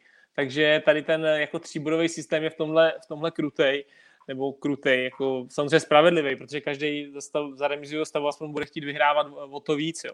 Ale uh, k těm golmanům, no, trefil do toho vlítnul ve velkém stylu v té lize, jo, a najednou všichni jak, jako čuměli, co to je za golmana v podstatě, jo, ten velký kluk, nohy, jo, ty ta cesta z, tý, z toho rohožníku, přesně jak říkal Michal, no a teď tím jako trošku vlastně mu došlo a já vím, že taky jsem ho čekal v tom zápase po Liberci, že už, že už půjde ven, uh, trefil, protože já i jako shodou okolností jsem ten zápas komentoval a vím, že hned po po zápase jsem vlastně šel z toho jako mužskou komentátoru, šel jsem, šel jsem dolů tam na tu hlavní tribu, než jsem s někým zdravil a mm, pan Jílek tam čekal na rozhovor na hřišti a vlastně se takhle jako viděli a protože se známe z mládežnických repre a pak vlastně ve Spartě dělal asistenta, tak jsme spolu mluvili chvíli i před zápasem a on jenom na mě tak kouknul nahoru a protože Sigma zrovna je jako jeden z těch týmů, který nemají ten tablet na té lavici, jo, aby to kontrolovali jako některé týmy,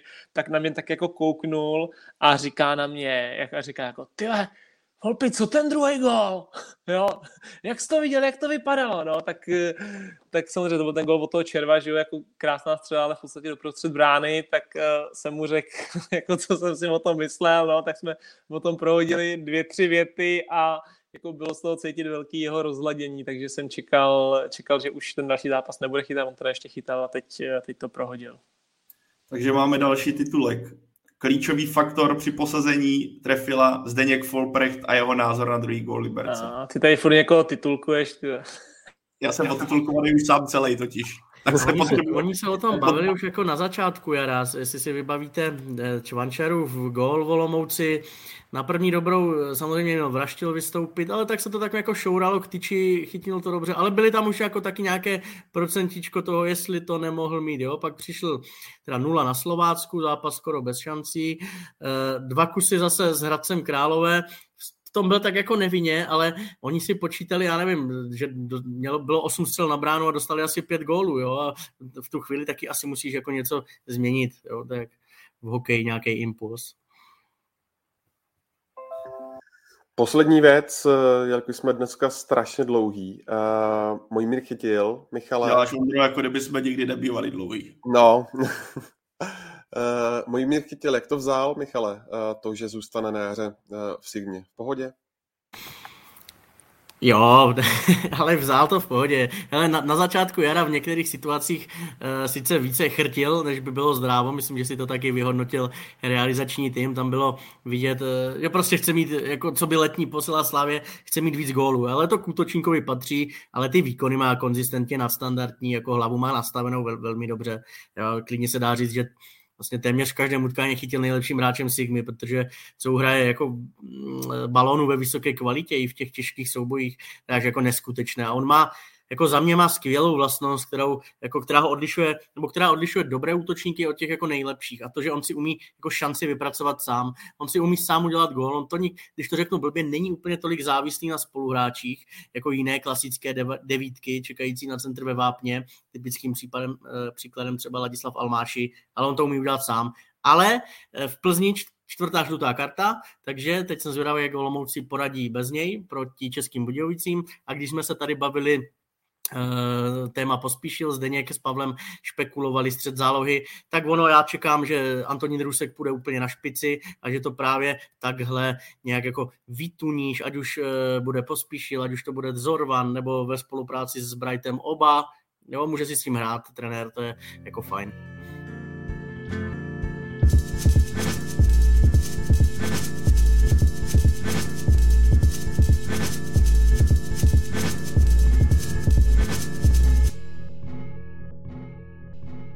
Pojďme dále a přeskočíme k boji o titul, protože tenhle víkend, co nás čeká, bude hodně zajímavý. Nejdřív eh, jeden šláger, takový předvoj toho velkého, eh, Baník, eh, Sparta a pak samozřejmě v sobotu večer Slávia přivítá druhou Plzeň. Teďka to je následovně v tabulce, jelikož Slávia má 50 bodů, Plzeň 49 a Sparta 48. Tak uh, Zdendo, jak to vidíš? Jak ten výsledek mezi Sláví a Plzní ovlivní boj o titul? Uh, tak eh, do titulu, jako nebo do konce ligy ještě daleko, jo. ještě tam je těch zápasů dost, takže úplně to nebude jako to asi nejdůležitější bodově, si myslím, protože ty týmy ještě si myslím, budou ztrácet i s jinýma jako soupeřema, než jenom mezi sebou. Ale jako potkávají se v zajímavé fázi, kdy v podstatě můžeme říct, že ani Plzeň, ani Slávě, jako kor teďka Slávě po těch budějkách, takže jako nejsou ve formě. A kterýkoliv tým, ať už Plzeň nebo Slávy, by jako vítězství v tomhle obrovském zápase hrozně nakoplo do té další fáze, do těch dalších zápasů. Takže si myslím, že samozřejmě hrajeme jako obory, ty body jsou strašně důležitý, ale možná taková ta jako psychická spruha do těch, do těch eh, dalších týdnů by, by mohla být ještě důležitější. Takže já jsem na to hrozně zvědavý a bohužel jako neočekávám, si myslím, jako nějak extra jako krásný fotbal, i právě vzhledem k tomu, že vlastně ani Plzeň, ani Slávě teď ten krásný fotbal moc nehrajou. Jo? Vlastně asi se mi nejvíc z těch tří momentálně líbí Sparta herně, ale zase si můžeme říkat, podle mě měla nejlehčí los teďka. Jo, vlastně měla týmy, kterým se nedařilo, takže je to jak dvousečný a jsem na to hrozně zvědavý, jak ten zápas jako bude vypadat celkově, jak tomu týmy přistoupí, jestli se bude něco čekat, nebo jestli do toho půjdu od začátku. Čekám podle mě zase, že jako Slávě, že jo, do toho prostě vlítne a bude tam chtít utavit a Plzeň zase ze zadu, jo, ale no, jsem na to zvědavý. Tam bude zase ten 12. hráč a to je Tribuna Sever, potažmo celý stadion v Edenu, protože vidíš to Slávě téhle sezóně 11 zápasů, doma 11 výher, venku to je diametrálně odlišné a tam za mě ty jsi to zde nastínil naprosto klíčovou věc, která i je vysvětlením toho, proč to venku slávy tak nejde. A to je za mě mentální nastavení a síla hlavy v těchto utkání, kde zatímco když se doma trochu nedaří, tak ti fanoušci, kterých nejezdí samozřejmě málo ani na venkovní výjezdy, to jako klobouk dolů před tím, jak třeba uh, kotle Baníku, Slávie, Sparty a i dalších klubů, jak dokáží podpořit, podpořit své hráče po celé republice, za to jim no, jako náleží obrovský. Sparty nebo, no, nebo ten, ten sektor, který jezdí jako na venkovní výjezdy v současnosti. Uh, ale když vezmeme v potaz Eden, tak uh, těch, já nevím, kolik tam bude. Že jo? Počítám, že bude vyprodáno, tak ty, ty hráče dokáže vytáhnout ještě k daleko lepšímu výkonu a za mě v momentech, kdy se třeba tolik nedaří, to dokáže zlomit. Zatím to, tohle se venku úplně nedaří a viděli jsme to i teďka v Českých Budějovicích, že za mě Slávě nejen, že je tam ten faktor toho venkovního hřiště, ale přijde mi, že i trochu teďka Jindřich Trpišovský takzvaně trochu hledá, že vidíme hodně, když to třeba srovnáš se Spartou, byl tady zmíněn uh, s Denim, ten rozpis zápasů a soupeři, s kterými letenští hráli, ale zároveň vidí, že Sparta teďka vsadila jasně na jasnou, jasnou vizi, na ustálenou jedenáctku, která se dostala do formy a ty hráči na zájem se ženou kupředu.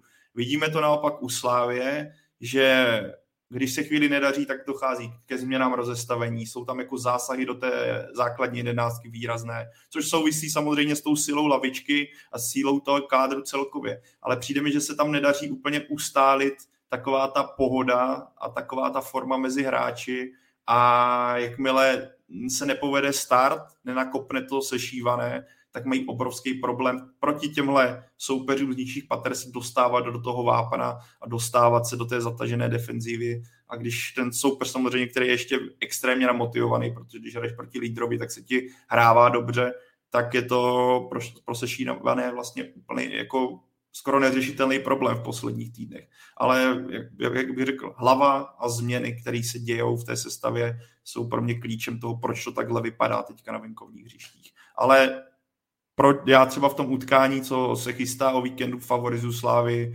právě kvůli tomu faktoru Edenu, faktoru domácího hřiště a i v rámci té síle toho kádru, kterou teďka mě přijde vždycky, když nastane propad, ale remíza s Teplicemi, teďka Český Budějovice, tak vždycky je to takový úplný drop mezi fanoušky a mluví se o tom, jak všechno je špatně a najednou to jako hoří, a, ale furt se bavíme o Slávii, která vede tabulku. Ano, čekal jsem, že to taky bude od ní dominantnější, ale vždycky po takovýmhle nečekaným výsledku obecně v Česku mi přijde, že tady okamžitě se skoro div neodvolávají trenéři a neříká se, jak je tam všechno špatně a pak přijde dobrý zápas. Třeba kdyby Slávě teďka porazila Plzeň, tak tady budou zase obrovský superlativy na to, jak vše je dobrý. Takže jako v tomhle bych zůstával tak někde v poklidu a pro mě pořád Slávě v tenhle moment je favoritem na celkový titul. Až je tady někdo psal v komentářích, že bych dneska měl typ pro něco jiného, tenhle typ, na rozdíl od Teplic, neměním pořád si myslím, že Slávě má ten sílu kádru natolik silnou, že by to měla, měla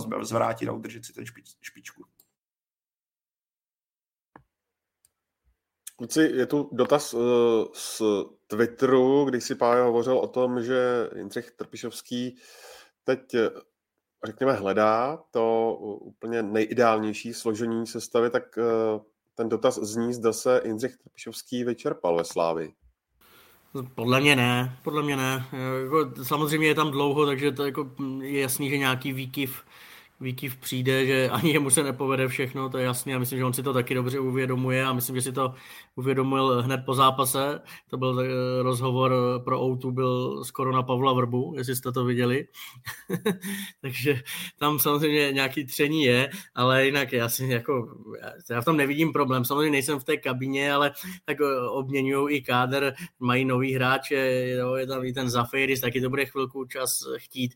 Ogbu, to je prostě všechno v, os, v ose sestavy, takže všechno důležitý prostě hráči, ale já jako já třeba za mě je zápas eh, Slavia Plzeň jako tutovou jedničkou. Já nechci jako si tady prostě proti sobě poštvat eh, Plzni, Plzeň, nic proti ním nemám, ale tohle pro mě jako ta facka teď Českobudějovická pro Slávy, eh, bude přesně tou, která zabere.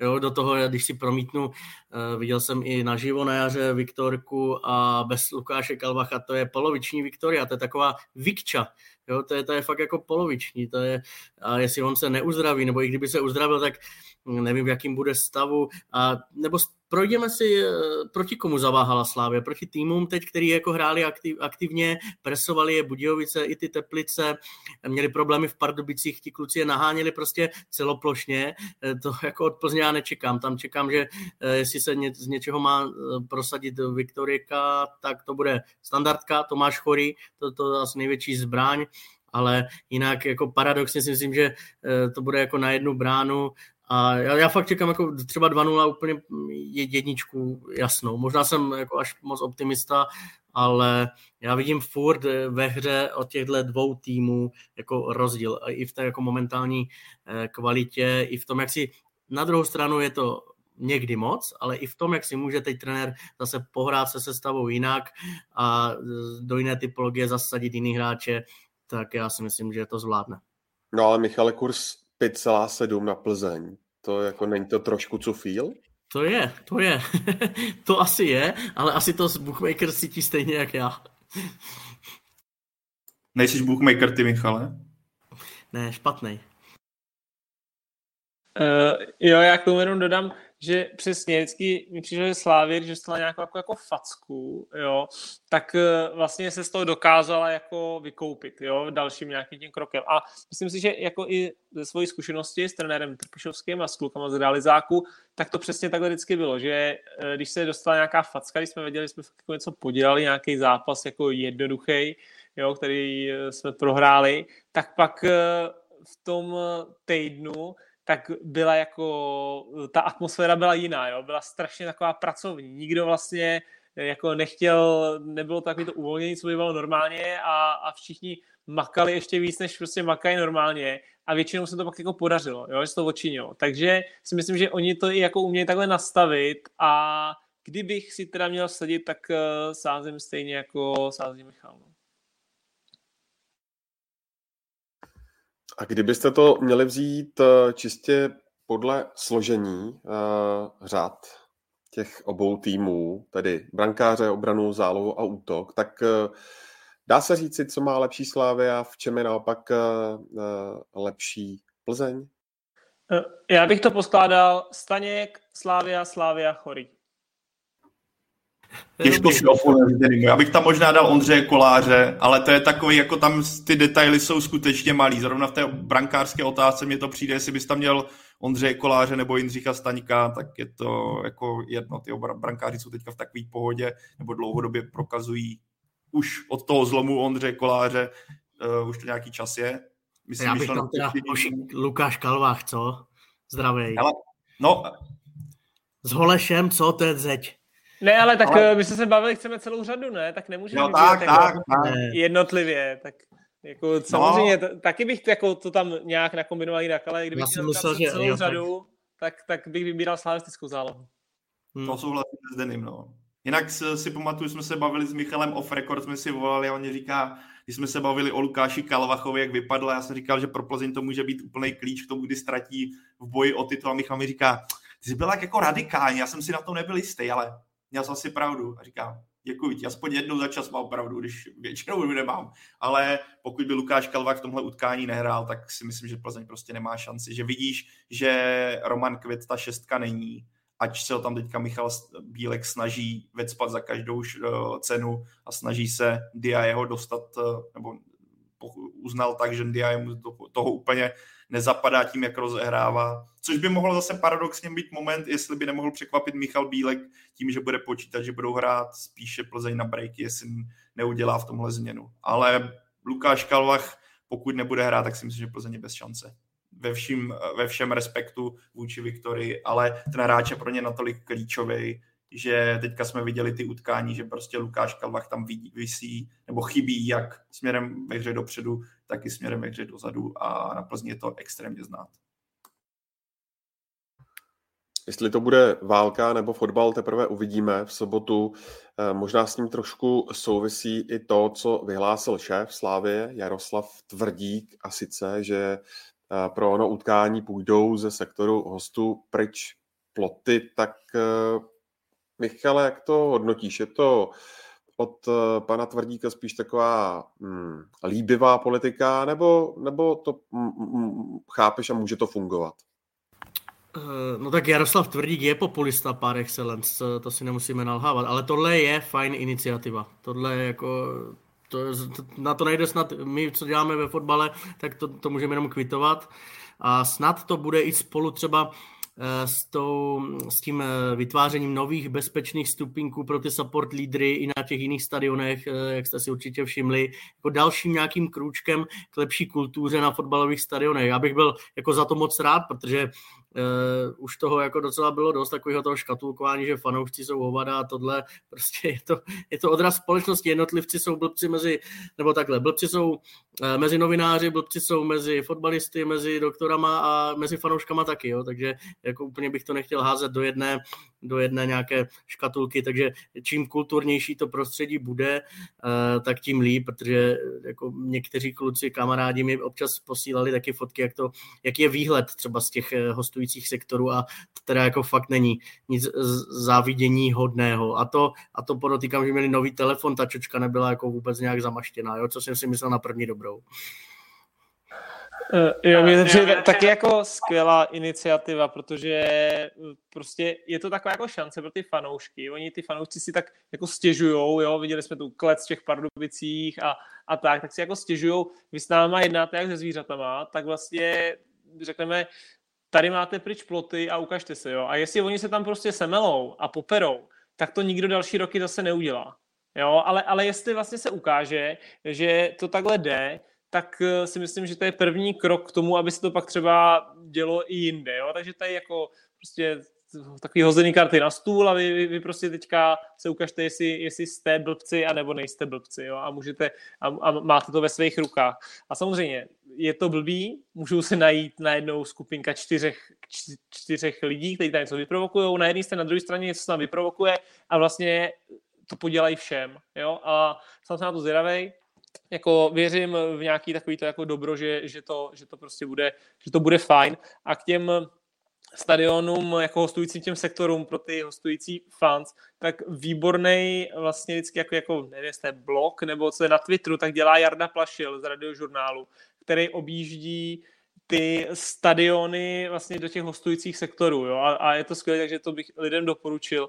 A třeba byla sranda... Jako Zlín, prostě, Zlín byl úžasný. Teďka. Tak, teď, teď, teď, to chci říct, jo, a byla sranda, když to prostě dělal v tom Zlíně a vyloženě tam natáčel, jak, jak, jak se tam jako, kudy se tam chodí na záchod a kdyby se tam člověk vlastně měl vyčůrat, jo, a, a tak a prostě jak tam nesvítilo světlo a bylo to tam všude hnusný prostě a jo, takže to je, to je skvělý a on jako není nějaký, nebo aspoň to ne fan nějakého velkého týmu, ale vlastně takhle jezdí do těch sektorů hostí a ukazuje ten komfort, v tomhle případě spíš jako diskomfort, který ty sektory hostí nabízejí, takže to je, to je jako dobrá práce od něj. To souhlas, teďka, byl, teďka dával o víkendu, jak byla, hrálo Brno se Zlínem a sektor hostů Brna taky jako myslím velký zážitek. To si člověk přijde spíš, jak on to tam psal, jak někde ve vězení, ve výběhu ve vězení, než na stadionu, kdy si zaplatíš dvě stovky za 90 minut fotbalu, na který za prvé blbě vidíš a za druhé se tam cítíš skutečně nekomfortně, když to řeknu ještě slušně.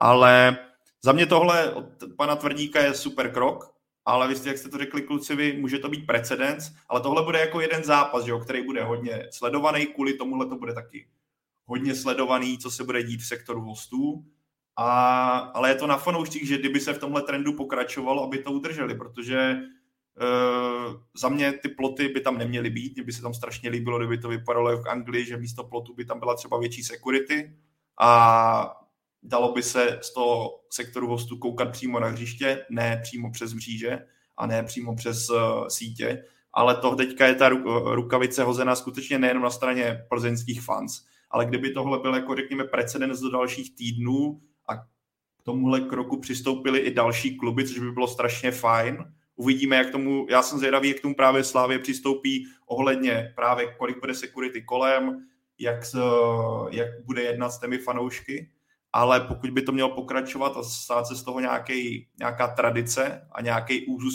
v celé lize, což je zase by bylo, bude interesantní sledovat, jak tomu případně přistoupí kluby. Kdyby tomu Slávě držela to, fungovalo to, jestli by byli všichni ochotní do, toho, do podobného, nechci říct rizika, ale tak eh, vzhledem k nějakým okolnostem, co se dřív děli, tak můžeme to definovat jako jisté riziko. Za mě by to bylo skvělé, ale asi tam bude potřeba i k eh, fanoušků vzájemná kontrola, ať si můžou říct, ale proč bych já kontroloval nějakého jedince vedle mě, jsme všichni dospělí, tak vidíme, že potom bohužel jsou nějaký blbci, co to dokáže změnit celé komunitě. A Zdeny tady říkal naprosto důležitou věc, že pokud by se to teďka v těch zárocích pohnojilo, nebo i kdyby se to rozjelo a pohnojilo se, tak to zase tak ovlivní názor celé společnosti na to, jak fanoušci jsou vnímaní, že to na, na tohle bude na dlouho zase ban a jakákoliv idea uvolňování bude pryč. Protože když jsme stačilo mě teďka vnímat ten tweet,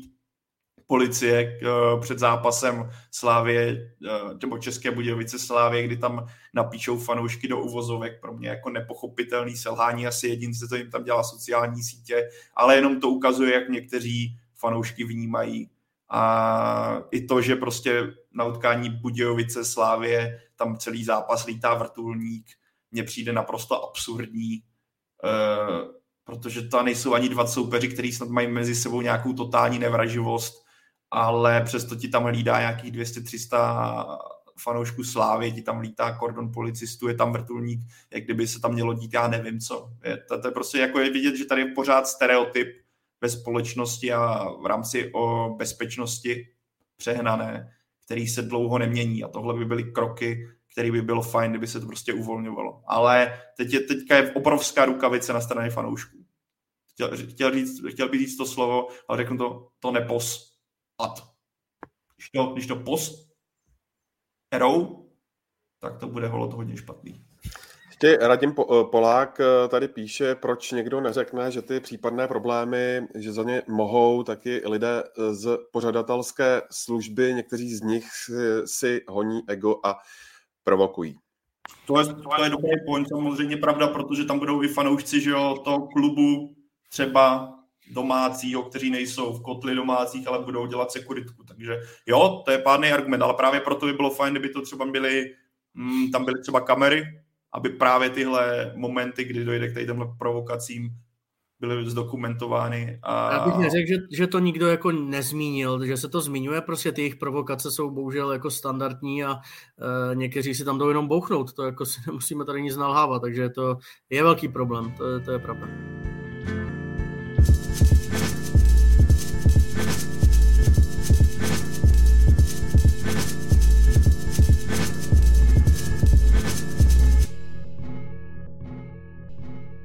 Pojďme si dát závěrečné téma. Mrkneme na start eh, jarní části druhé ligy. Když se, Michale, podíváš, co se dělo na podzim a co se dělo eh, v zimě a zároveň mrkneš na tabulku, tak jak to vidíš? Eh, kdo je pro tebe největším favoritem na postup? Úplně jako nějaká zajímavá odpověď to nebude. Já řeknu to stejné jako před začátkem sezóny a řekl bych to i před víkendem, abyste si mě teď nedobírali po výhře nad příbrami. Takže Karvina, pořád jí věřím, eh, zázemí, ambice, podmínky, káder, jako finanční problémy konkurentů, nejlepší stadion ve střední Evropě, jak jsme tady zmínili na začátku, že jo? takže tam prostě není, tam není o čem.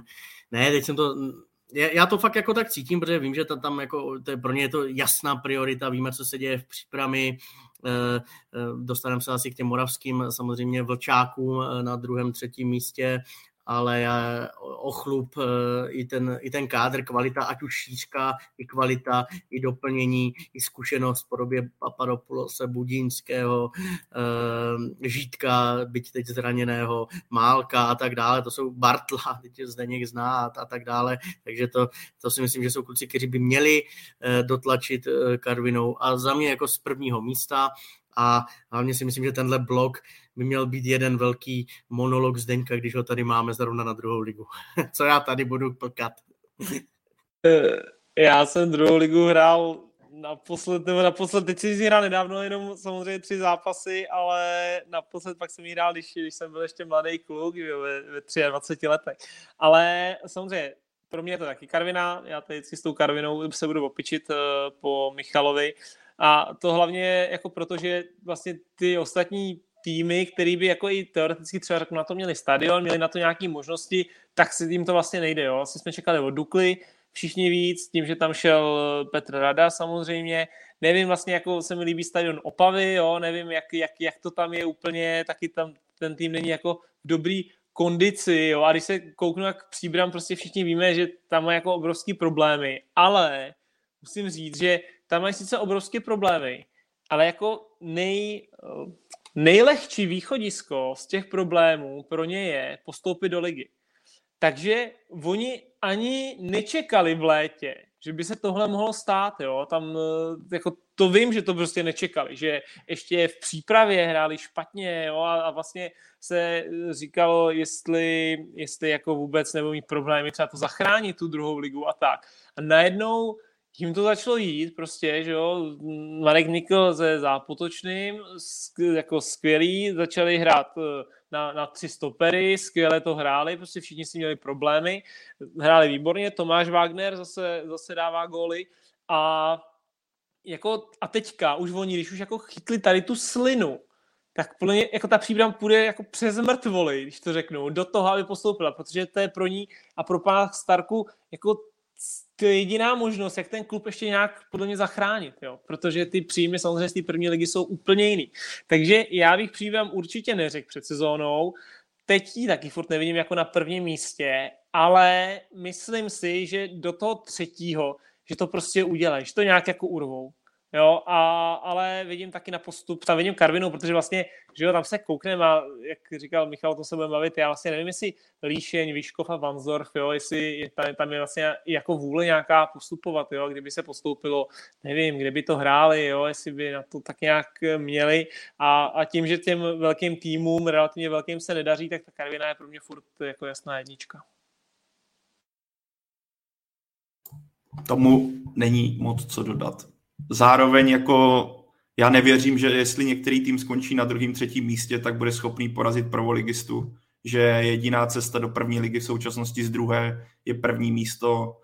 A, protože vždycky, když si projdeš ty poslední ročníky druhé ligy, tak je, jestli měl nějaký tým po postupu hrát relativně solidní úlohu i v nejvyšší soutěži, tak to bylo po dominantním výkonu relativně dominantním v rámci té nižší soutěže. Teďka vidíš, když se na tu tabulku podíváš, tak je to extrémně vyrovnaný. Tam není žádný celek, který by dominoval, který by byl nějak výrazný. Jeden zápas dokáže vyhrát nad favoritem, druhý ztratí s, s outsiderem. Jsou to jako, ale řekl bych, takový jako průměr šeť a tím, co tady zmínili ještě kluci, tím zázemím, těmi financemi, v případě Karviné se můžeme bavit o tom, že pokud půjde nahoru, tak tam budou peníze na takové, že by byla schopná přivést některé posily zajímavé natolik, nebo by nabídla podmínky zajímavé natolik, aby někteří fotbalisti zamířili právě do Slezska. Ale když se podíváš na to kolem a kolem, ať už to bude Příbram, ať už to bude uh, Výškov, Prostějov, Líšeň, k tomu se asi jako dostaneme. Já si myslím, že ani tohle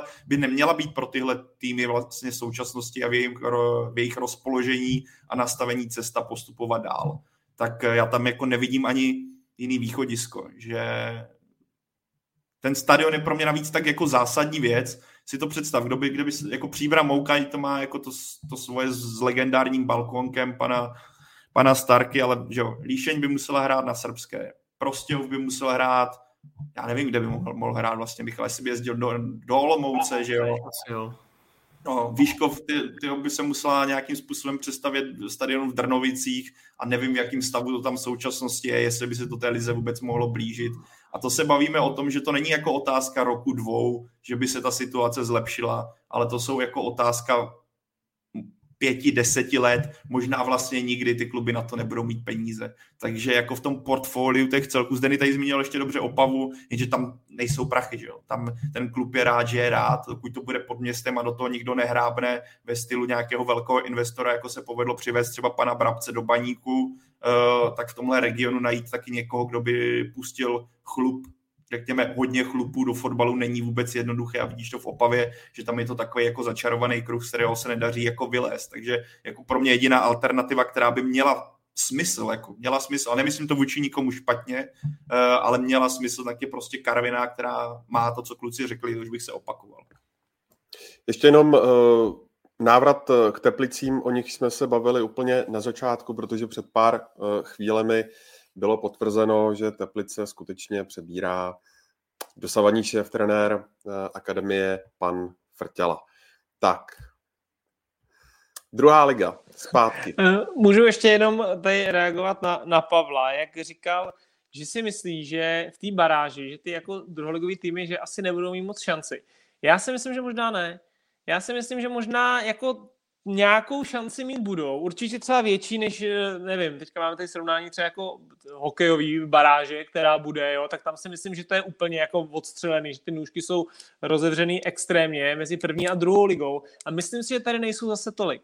A když se třeba kouknu teďka na ty Teplice, jo, nebo se kouknu na ten Zlín, tak eh, si myslím, že ty týmy v té druhé lize, že jako ve dvou zápasech je prostě, tyjo, to je prostě můžeš udělat, jo? protože první zápas jako vyhraješ a najednou a, a seš tam a jdeš do druhého a ty, ty jsou nervózní, to není taky v tom hokeji zase se hraje na čtyři zápasy, to je něco jiného úplně. Jo. Ale tady jako v těch dvou zápasech je můžeš udělat. A ještě si koukám na tabulku, tak tady vlastně máme Jihlavu. Já vůbec nevím, jaký kondici je třeba jako Jihlava, jo, která má taky jako hezký stadion, dá se říct zajímavý tým celkem, jo, tak eh, vlastně když koukám od prvního do, do osmého místa, kde je Jihlava, tak před Jihlavou vidím, kdo by mohl postupovat fakt jenom eh, Karvinou a v podstatě tu příbram, jo, z nějaký, jako rámci nějakého stadionu.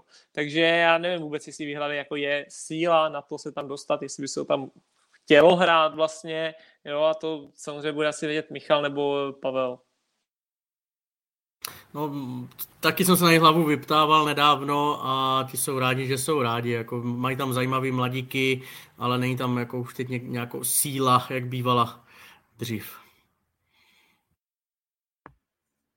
No, když se bavíme o druhé lize, tak rovnou přihřeju polívčičku i ČT Sport, jelikož dneska od 17.50 uh, eh, hraje Bčko Sparty s Bčkem Slávě, takže derby hraje se na letné tuším. Uh, překvapuje vás, kluci, že jsou na tom obě Bčka takhle špatně? Že jsou až na chvostu tabulky?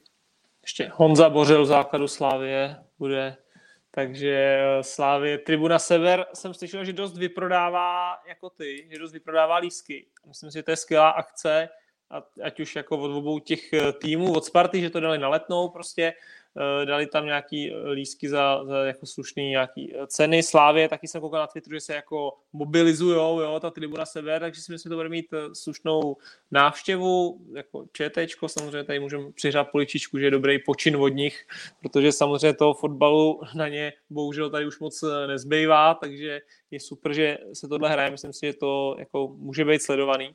A no, jako je to pro mě zklamání, já musím říct, že je to pro mě zklamání, že jsou takhle dole ty týmy, ale samozřejmě, teď, teď se budeme bavit, jo, a to se, jako je taková ta většiná otázka tady těch Bček, jak moc nebo jak málo je to regulérní, jo, když, když to takhle bude, protože oni samozřejmě teďka jsou, teďka jsou dole, ale ať ta Sparta nebo ta Slávě, tak samozřejmě ty Bčka chtějí mít v té druhé lize. Nikdo nechce jít prostě do ČFL, ještě teďka nevíme, co se bude dít s těmi nižšíma soutěžema že jo, v budoucnu.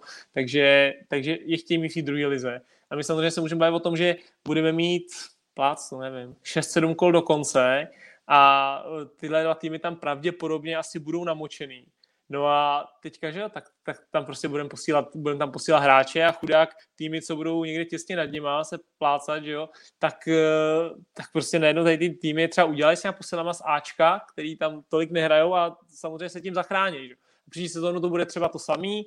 Zase, ale uvidíme, máme tam mladý, uvidíme, jak to půjde. No a když nám to náhodou nepůjde, no tak, tak to zkusíme zase na konci zachránit. Jo. Takže to je samozřejmě otázka nějaký ty regulérnosti, ale musím říct, že mě to překvapilo a že vlastně nám to asi ukazuje trošku to zrcadlo, že ta druhá liga jako není prostě špatná soutěž. Jo, nemůžeš to jsem si taky já bláhově myslel ve svých 18, kdy jsem jako začal trénovat s Ačkem a tak a šel jsem, tenkrát ve Spartě jsem taky hrál druhá liga, jo, a taky se s ní, já jsem tam do té rok, co se teda to zachránilo a pak druhý rok se s ní se stoupilo, jo, ale přesně jsem si bláhově myslel to, já jsem tady jako ve Spartě, začínám tady trénovat s Ačkem, jsem tady v repre, všech, jo, jsme byli, nás tam bylo víc takovýchhle, tak jsem si myslel, ty tady jdeme hrát nějakou druhou ligu, jo, a, a prostě prostě to byla strašně těžká soutěž pro nás, jako pro ty mladé kluky. A myslím si, že to je úplně stejný přesně uh, jako, jako to mají teďka kluci ve Spartě a ve Slávě. Taky si jako myslej, že to vlastně zvládnou a pak najednou přijdou a ty kluci v té dru- druhé lize jsou jako kvalitní, jsou prostě zkušený a, a ty výsledky evidentně jako ani jeden z těch pražských eh, týmů nemají. No. Třeba jako ta Slávě, ta je tak jako omlazená, že jim to supluje devatenáctku a to jako klobouk dolů zase jako si myslím, že ten jako progres hráčů, že tam nestrácejí jako vůbec čas, jak byla dřív nesmyslná juniorská liga, jak to mají posunutý, tak tohle je jako klobouk dolů. To, jaký to bude mít efekt a jak se budou zachraňovat, jasně, to beru, co říkal Zdeněk, ale třeba jak to mají teď ten Šmiga, tady se koukám na, na, na Pudílové a další, prostě mají to fakt, nestrácejí rok jako v mládeži, jsou posunutí a všichni jsou s tím stotožnění, pak mají ještě farmu v té Vlašimi, eh, nebo oni to kluci vlašimští nemají rádi, když to říkám. Eh, jednou mě napsal Láďa Janda, ale snad mě to promine. Ale, jo, a oni, oni to je vlastně nastavený, jako jsou Vlašimi, vlastně bych řekl, že ty jako top talenty, tak ti vlastně jdou do Vlašimi, jo, a, a to Bčko vlastně t, jako nechávají hrát tady těm mladým, ale je to přesně ono. Já si nedovedu představit, že ta Slávě řekla, no tak jsme to zkusili v té druhé lize, jo, teďka rok, no tak zase spadneme. Jo, takže prostě uh, si myslím, že teď tomu dají ještě pár zápasů, a že pak do toho prostě hrábnou, jo, a, a, a ti kluci budou chodit kor, když prostě víme, jak ten, jak ten kádr je obrovský široký, jo, té slávy. Takže ani jeden z těch týmů nebude chtít přijít o tu druhou ligu, protože je to pro ně skvělý a i kdyby si tam měli zkoušet ty hráče jenom první půl rok a viděli, že to je zase na prd, tak to pak trošku přeskupíme, ale jako je to skvělý pro tyhle hráče a nemusí posílat tolik na hostování. Ještě když s tím, já nevím, jestli to přijde nějak v platnost vlastně uh, to pravidlo, že kolik můžeš poslat hráčů na hostování, jo, a do konkrétně tak jako o to víc to bude pro ně super, že tam ty Bčka mají, jo. A nesmím zapomenout i na Olomouc, kde tam má ty Bčka a ty jsou jako jedenáctý, ty zatím z toho vycházejí nejlíp. No. Kluci Asi měli... dám takovou pro... Samo, Zdenis zmínil výrazný faktor, to je ta regulérnost. Za mě zase je tam takový to B pro celou tu soutěž, když tam máš uh, Spartu Slávy, tak když vidíme tu návštěvnost v rámci celé druhé ligy, tak když ti přijede, já nevím, do Líšně Sparta B, eh, Slávia B, tak je to jako výrazný moment, proč ty lidi tam jdou a může to být, dá se to zhodnotit i, když trošku odlítnu od té fotbalové eh, záležitosti, z hlediska marketingu, z hlediska toho, jak je ta soutěž vnímána a třeba přilákat nový lidi na ten stadion, protože tam to Bčko je a budeš tam mít ty 19 letý kluky, o kterých třeba teď doteďka neslyšel, ale uvidíš, že třeba na začátku té kariéry jednou si vzpomeneš, hele, takhle to funguje, takhle to jsem viděl, tak když hrál v Líšti nebo v Arnsdorfu nebo kdekoliv a tehdy byl jako na tom place prostě úplně výrazný. Takže pro mě jako, jak někdo kritizuje, že Bčka by vůbec tady v tomhle segmentu fotbalu, tedy v rámci druhé ligy by neměly být, tak já si to nemyslím. Pro mě jako je to příjemný okořenění té soutěže, která je v současnosti z pozice nějaký diváckého zájmu hodně jako mrtvá. Vidíme to jako obecně, kolik lidí na ty stadiony chodí. Akorát, jak říkal Zdeny, tohle je jako, to je jako ta pachuť, ale já tam pořád vidím jako víc benefitu, ať už je to ohrávání mladých, zájem jako mezi fanoušky přijít na takový tým a tak. Chtěl jsem tam samozřejmě dát ještě nějakou hlubokou myšlenku, ale ta odešla někam do, vě- do věčných lovišť. Blížíme se k závěru, kluci. Eh, ještě mě zajímá, eh, zda byste měli nějaké typy na hráče, které je eh, radno sledovat, jak víme, tak v Táborsku, to je takový inkubátor Slávě. Jan Musil se tady ptá, zda je u Karviné opět cesta dát tam x Afričanů, když mají celkem fajn mládež. Ale oni ty Afričany mají už i v mládeži, v 19. A ten, tým, ten klub je bez koncepce, tento jako eh, Karvinou, myslím. S ambicemi, ale bez koncepce, tam je to jako složitý. Každý, každý půl rok, rok eh, noví trenéři, půlka kádru. Přitom eh, víte že, víte, že mě druhá liga baví a že si myslím, že tam jako jsou zajímaví kluci, jsou a budu si zatím jako stát a Bavil jsem se třeba v Turecku mm, v lednu se skautama ze Slávě a člověk možná jako oby, obyčejný fanoušek by řekl, že druhou ligu přece slávisti nemůžou sledovat, že dobře, že se podívají na svý kluky v Bčku, ve, ve Vlašimi, ale jinak, že hledají e, posily skrz data, e, Vize Zafeiris a Ogbu a podobně. Hoši, není to pravda, ti kluci to mají tak jako vyskautovaný, mají takový přehled a tak krásně mluvili o tolika klukcích, na kterých jsme se zhodli, že, že mě je jako až líto, že prostě některé kluby furt jako na to nevidí nebo nechtějí vidět, protože to stačí jako vědět eh, a pak se jako fakt dívat pravidelně. Psal jsem to teď v sobotu na e-sportu, doporučoval jsem nějaké kluky ke sledování. V Líšni jsou. Matocha, to je hráč prostě pro, pro mě střední záložník, lepší než Miškovič. Černín, stoper, úplně v pr- pohodě prvoligový. O Vyškovu, o Afričanech se nemusíme bavit. Jo, Kanakimana Alegue, to je kvalita. Eh, Tondu Kinského mladšího, když toho tady zde někde zmínil, eh, udělám si tady eh, polivčičku si přihřeju, že už kolik, tři týdny zpátky jste se mě ptali v podcastu tady, koho bych si vzal za brankáře, kdybych mohl být neomezený výběr, tak jsem říkal Tondu Kinského.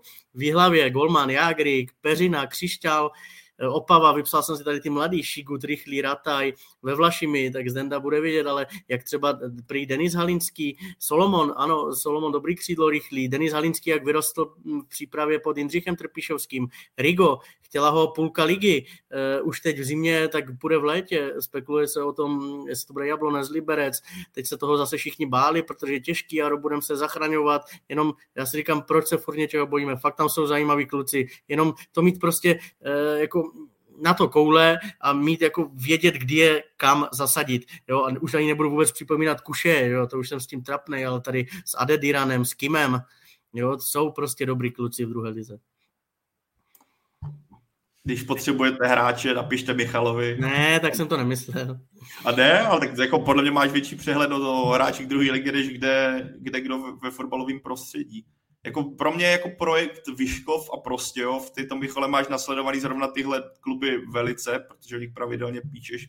Tohle jsou jako v rámci ty druhé ligy, jak se bavíme o těch týmech, který nemají koncepci, vlastně tam nějakým způsobem jenom přežívají a je to takový jako od sezóny k sezóně a hlavně, že tam jsme, tak eh, příklad Vyškov, Prostějov mi přijdou hodně zajímavý jako projekty do budoucna. Jsem zvědavý, jak se to vyvine, ať už co se Prostějova týče stadionu, který by mohl být zlomový, tak Vyškova v rámci těch Afričanů, afrického majitele, který se netají tou ideou do té první ligy. Pro mě tam je jako je výrazná škoda toho stadionu, nevím, jestli je idea i ve Vyškově, aby vznikl nový no, stadion, což by bylo teda dosti paradoxní, kdyby třeba v Prostějově Vyškově vznikl nový stadiák a v Brně by pořád byla tragická srbská, ale tak jako takovej je život. Lužánky už se staví 20-30 let a asi se nikdy nepostaví což pro brněnský fanoušky byl tvrdý jako pachuť, ale na tyhle dva kluby jsem do budoucna zvědavý, jestli tam samozřejmě nedojde k nějakému obratu, v případě zrovna třeba Vyškova, jestli ten africký majitel se z ničeho nic nestáhne a celá ta idea toho afrického importu do Česka se nezastaví. Ale Ondro, tady mám taky jako, ať dám klíšní, jak jsem tady z Denny nastěňoval, jestli oni nemají tu ideu. Za mě třeba Líšeně klub, který by o tom vůbec neměl uvažovat, aby šel opatro nahoru, protože pořád fungují v nějakým Eh, poloprofesionalismu a dělají to tam skvěle, dělají to tam, jak se říká, srdíčkem, nastavený, je to tam parádně, ti kluci, co tam přijdou, si to chválí, jak je perfektní prostředí a navíc to prostředí, který ti otevře cestu do první ligy. Často vidíme to u Jakuba Kučery, který teďka je tradičním eh, členem základní sestavy Hradce, Ondřej Ševčík spíš nakukoval, ale zase vidíme, že najednou ta linka Hradec Líšeň se nějakým způsobem vytvořila Michal tady dobře zmínil Matochu, to je pro mě nepochopitelný, že po něm ještě nikdo nešáhl. Mluvilo se i o Jeřábkovi, který hraje stopera, že by mohl. A pak je tam Jan Silný, který mu zase ukazuje ale to, co, jak jsi Michale zmínil třeba Kuše, zmínil s další kluky, co udělali ten skok a zvládli ho skvěle, tak je třeba na Janu Silném zase vidět, že jsou i kluci, kteří ten skok úplně nezvládnou a najednou se ukáže, že ta první liga, ať v té druhé, druhé třeba byly výrazní, tak ta první liga je prostě, je to jenom jedna soutěž, ale je to obrovský skok, který někteří ti kluci nemusí zvládnout. Ale o tom to je to riziko, protože třeba v případě Líšně, co jsem se bavil, oni nenasazují nějaký extrémní částky. Oni s těma klukama jsou domluvený tak, ale kluci, vy přijdete sem, tady nejsou žádný úplně boží podmínky, ale první liga, ale my vás tady nebudeme předržovat. Když vás bude zájem, přijde dobrá nabídka, prodáme vás. A tohle si myslím, že pro některé kluby by mohla být cesta a to je taky důvod, proč si myslím, že Líšeň by o tom neměla uvažovat, protože hrát na srbské, tak jim tam nepřijde vůbec nikdo, zaškatulkovali by se do profesionálních smluv a obrovských nákladů a nebyly peníze a ten klub by to mohlo zničit. Pro mě jsou prostě týmy, kterým ta druhá liga sluší a který mají v tom potravním řetězci, jak já rád říkám, nějaký místo. To je třeba případ Líšně, která by se mě líbila, kdyby byla etablovaná, to teďka je, ale dlouhodobě etablovaný druholigový tým, který vychovává kluky pro tu nejvyšší soutěž. Hau, dobro prosím. Uh, ještě když jsme se tady bavili o těch konkrétních jménech, tak t, Michal, musím říct, že ten přehled je krásný v té druhé lize, co, co on má a samozřejmě jsme tady uh, zmiňovali hlavně jako mladý kluky, ale když bych řekl, jako když bych chtěl hned kvalitu v podstatě, tak bych zmínil jako zvláště mi teda Honzu Suchana, který jako že jo, střední záložník tam má 9 gólů. Jako 96 pořád. Tak, No, jako jasně, ale ne, není to prostě už, nezačíná dvojkou, že jo, jeho, jeho prostě rok narození. Ale, že jo, jako velký talent, jo, příbramského fotbalu šel vlastně do Plzně, tenkrát s Alešem Matějům, jo, ale pak se trošku i jako v tom, eh, řeknu, jako životě mimo fotbalovým, tak se trošku zadrhnul, jo, ale, ale zase to nakop a teďka je jako jednoznačně nejlepším hráčem prostě Vlašimi. A kdyby ta Vlašimi hrála trošku líp, tak ještě těch gólů má víc. A já vím, že o něm uvažovali Budějovice teďka v zimě, Jo, nakonec uh, vzali vlastně Čermáka, protože ho znal i, jo, trenéři ho znali s příbrami, takže, takže si ho vlastně vzali logický krok, ale jako to byla jako kvalita hnedka, bych řekl, a když se kouknu do spodní poloviny tabulky, tak jako takovýhle vlastně jako, jako dobrou, nevím, desítku tady do těch třeba, řeknu, i do těch třeba teplic, jo, Zlín, ten Zlín prostě, když, když nemá toho tkáče, teď třeba ten slončík, o kterém jsme nevěděli, ale vůbec, jo tak Zlín takovýhle hráče podle mě potřebuje třeba jako sůl, jo, a který prostě dokáže dělat body. A ještě jedno jméno řeknu a řeknu mého kamaráda Tomáše Wagnera, protože jako sice 33 let, už nevím, tak kdy přesně narozený ročník 90, ale prostě uh, 11 zápasů, 9 gólů. Jo? On je, uh, jako on teda má problém, měl problém, že byl zraněný, ale furt prostě, jako když bych prostě chtěl góly a potřeboval bych góly, a když ho tam budu mít a budu ho hrát, tak vím, že když ho budu hrát 10 zápasů od začátku, tak on tři góly dá. Prostě o tom já jsem přesvědčený. Jo. Takže tým, který potřeboval góly, tak bych klidně šáhnul i tímhle směrem a to vůbec jako už to uh, ani nepočítám to, že on by určitě, já vím, že on by jako ještě chtěl uh, jít hrát ligu, protože mu chybí, teď úplně nevím přesně, ale chybí mu pár gólů do stovky. Jo, do, jako vím, že tam tu metu má, už jsme vlastně spolu byli hodně na Kypru, tam, tam eh, on eh, vlastně dokonce dal 17 gólů v jedné sezóně, jo, takže tam on se k tomu hodně přiblížil a vím, že jako o tom tam už začal mluvit, že by to ještě chtěl dokázat, no, tak uvidíme, jestli, jestli se mu to povede, samozřejmě on teďka se trošku up, up, upíná k tomu, že je to třeba dotáhnout do té ligy s příbrami, což je krásně, on jako příbramák, že? takže to jako pro něj by bylo nejvíc, ale kdybych prostě chtěl góly, tak bych, eh, tak bych šáhnul i tam. Ne, to jsem rád, že říkáš jeho jméno. Já jsem s Tomášem Loni dělal něco a přesně říkal, tohle je moje meta. Já jsem se tak díval na ten ročník 90 a teď teda Pavel Černý dal teď nádherný gol, ale jinak jsem si řekl, třeba pro Pardubice, jako, já vím, že nezapadá úplně do běhavého stylu Radka Kováče, ale to ani Pavel Černý. A když by mu to tam sypali kluci Janošek ze standardek, tak on 10 gólů za sezónu, tak jak dával v Karviné, to s tebou souhlasím úplně. Přesně jsem si to říkal už eh, do Karvin, teda do, Karto, do Pardubic. Přesně jak říkáš, protože řeknu typologicky jako stejný jako Pavel Černý, ale lepší. Jo.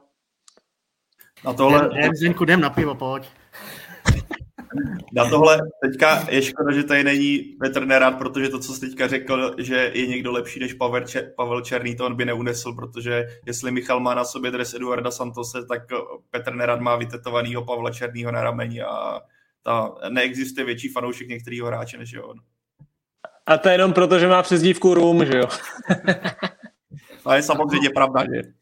A toho Honzo Suchana měli i moravské kluby jako na listu teď v zimě, jenomže bojí se to udělat někdo. Je to druhá liga, pomůže nám. No, tak bohužel. No, oni vlastně Uh, on jakoby se mu nepovedly ty poslední angažmá v Lize, jo? On tenkrát vlastně byl v Teplicích, tam se mu to nepovedlo v Karviní, tam se mu to nepovedlo, jo? A pak uh, se najednou ztratil, hrál vlastně až ČFL, jo? A, a za, za Loko Vltavín, myslím. No a, a vlastně jako teďka ty týmy asi se toho trošku bojejí, ale jako já vím, že to jeho nastavení v té hlavě je úplně jiný, než bylo, když se mu ty angažmá nepovedly v té lize. Tady ty Teplice a tady ta Karvina. Jo? Takže teďka si myslím, že on by jako nebyl drahej, jo, a ať už eh, platově nebo jistý vašimi ho podle mě nemusí vykupovat za moc, jo, takže by to pro mě byla dobrá volba ještě, jak si řekl, prostě není zas tak starý, jo, ještě není zas tak starý. Na, na Vyšehradě byl zený. Ten, co na Vyšehradě. Já věděl, já věděl, že to bylo v Praze, sorry. No, já jsem tam párkrát na nich byla i koukat a samozřejmě bylo vidět hnedka na tom hřišti, kdo tam jako má dominantní pozici. Ale já jsem, jsem tam měl informaci o tom, že ho někdy snad, když byl ještě na Vyšehradě, tak ho chtěli právě někdo z ligy, teďka nevím konkrétně, ale oni ho tehdy nechtěli pustit ten klub ještě před tou kauzou eh, v rámci pádu Vyšehradu dolů tak eh, právě bylo něco takového, že ta idea jít nahoru byla, ale ty podmínky tehdy úplně nebyly na to uspůsobený, aby on mohl poskočit nahoru, protože ten klub nechtěl. A tohle já třeba nepochopím, jako, že mám kluka, jsem v třetí lize, jo, a samozřejmě, že jako řekne, no kde my budeme schánit novýho, ale prostě a vlastně mu jako trošku šlapu po štěstí, jo, což je skvělý příklad té líšně, jo, a třeba i u toho Honzi Suchana, já nevím, jako já doufám, že on se do té ligy snad ještě podívá, jo, ale třeba už se do ní nikdy nepodívá. A třeba se do ní mohl podívat tenkrát. A nikdy nevíte, kdy se vám něco stane nebo kdy se vám bude dařit, jo, a jestli nějaký třetí ligový tým, kde on uh, jako objektivně musíme říct, že tam všechny převyšoval, a ty teda tam pro ně odvádíš nějaký služby, on tam byl docela i dlouho. A pak někdo přijde z ligy, že by ho chtěl Jo, ne nějaký tvůj konkurent, se kterým hraješ o to, ale z ligy, který je úplně jedno, že jo? Jak, jak jako Vyšehrad ovlivní, jestli on půjde do Teplic nebo do Brna, jo? nebo něco takového. A, a oni ti vlastně řeknou, no ale my chceme, já nevím, plácnu, my za tebe chceme 2 miliony a nestačí nám prostě, než máme 800 tisíc, tak to jim přijde jako prostě blbost. Poslední věc, kluci, kdo postoupí? Ale Karvina. Z prvního, z prvního místa Karvina a z druhého, třetího místa nikdo. Bo já bych tam jenom druhý, třetí, já bych přál líšně na druhý, třetí místo, aby si zahráli proti některému prvoligistovi, zažili ten, jako, ten dvojutkání, který by bylo zase pro ně historickým momentem, ale jak říkám, ať, ať jsem jejich bývalý hráč a jejich fanoušek, tak jim přeju, aby zůstali v druhé lize a zůstali ekonomicky stabilní a zdraví. Ale počítám Karviná, bude to jediný klub, který postoupí nahoru. Karviná, Líšeň, Příbram, in that order budou v tabulce a taky bych řekl, že postoupí jenom Karvina. Tak jo, z dnešního dílu Football Focus podcastu je to všechno. Kluci, díky moc za váš čas a za vaše komentáře. Byl tu s námi Zdeněk Folprecht, Michal Kvasnica, a Pavel Jahoda, všechny nás najdete na Twitteru a díky moc, že se vás dnes dívalo a poslouchalo tolik lidí. Děkujeme za pozvání a sledujte druhou ligu. Sledujte všechny ligy. tak, a, a... a tak. A každopádně, Ondřej, bylo to opět krásné. Vedl s nás tímhle příběhem naprosto nádherně. Vidět, že po té týdenní pauze seš plný energie, už ti dorůstají i vousy, takže si toho lidi nevšímají, že jsi vypadal jako jiný člověk. A děkujeme i vám všem, kdo jste s náma tady vydrželi skoro ty dvě hodinky. Už mám hlad jako prase. Tak jo, uh, přesně jak říkal Zdenda, sledujte všechny ligy světa. Uh, na ČT Sport uh, se trošku víc roztáčí fotbalová kola, takže jak už jsem zmiňoval, dnes v pondělí večer od 17.50 derby Bčka Sparty a Slávie. Eh, ještě připomenu, že na ČT Sport můžete sledovat i sestry z Ligy mistrů. Ve čtvrtek osmifinále Evropské ligy mezi Manchesterem United, který dostal sedmičku od Liverpoolu, proti Betisu Sevilla. V pátek eh, losování semifinále domácího poháru a pokud se nepletu, tak eh, to všechno tenhle týden zakončí eh, za prvé eh, v pátek druhá liga, Příbram Líšeň a pak samozřejmě v neděli pravidelně večer pořad dohráno. Uf. Tak, my se na vás budeme s Pavlem těšit samozřejmě zase příští pondělí. Doufáme, že nám zůstanete věrni a kdybyste si chtěli poslechnout třeba i některé starší díly, tak vězte, že je najdete na webu Sport.cz ve všech podcastových aplikacích, eh, na YouTube a nebo na Spotify. A mějte se krásně, koukám, že spousta z vás míří na oběd, tak si ho vychutnejte. Ahoj. Ty to potřebuješ protáhnout na ty dvě hodiny, ne? jo, jo, přesně tak. Je placený od hodin.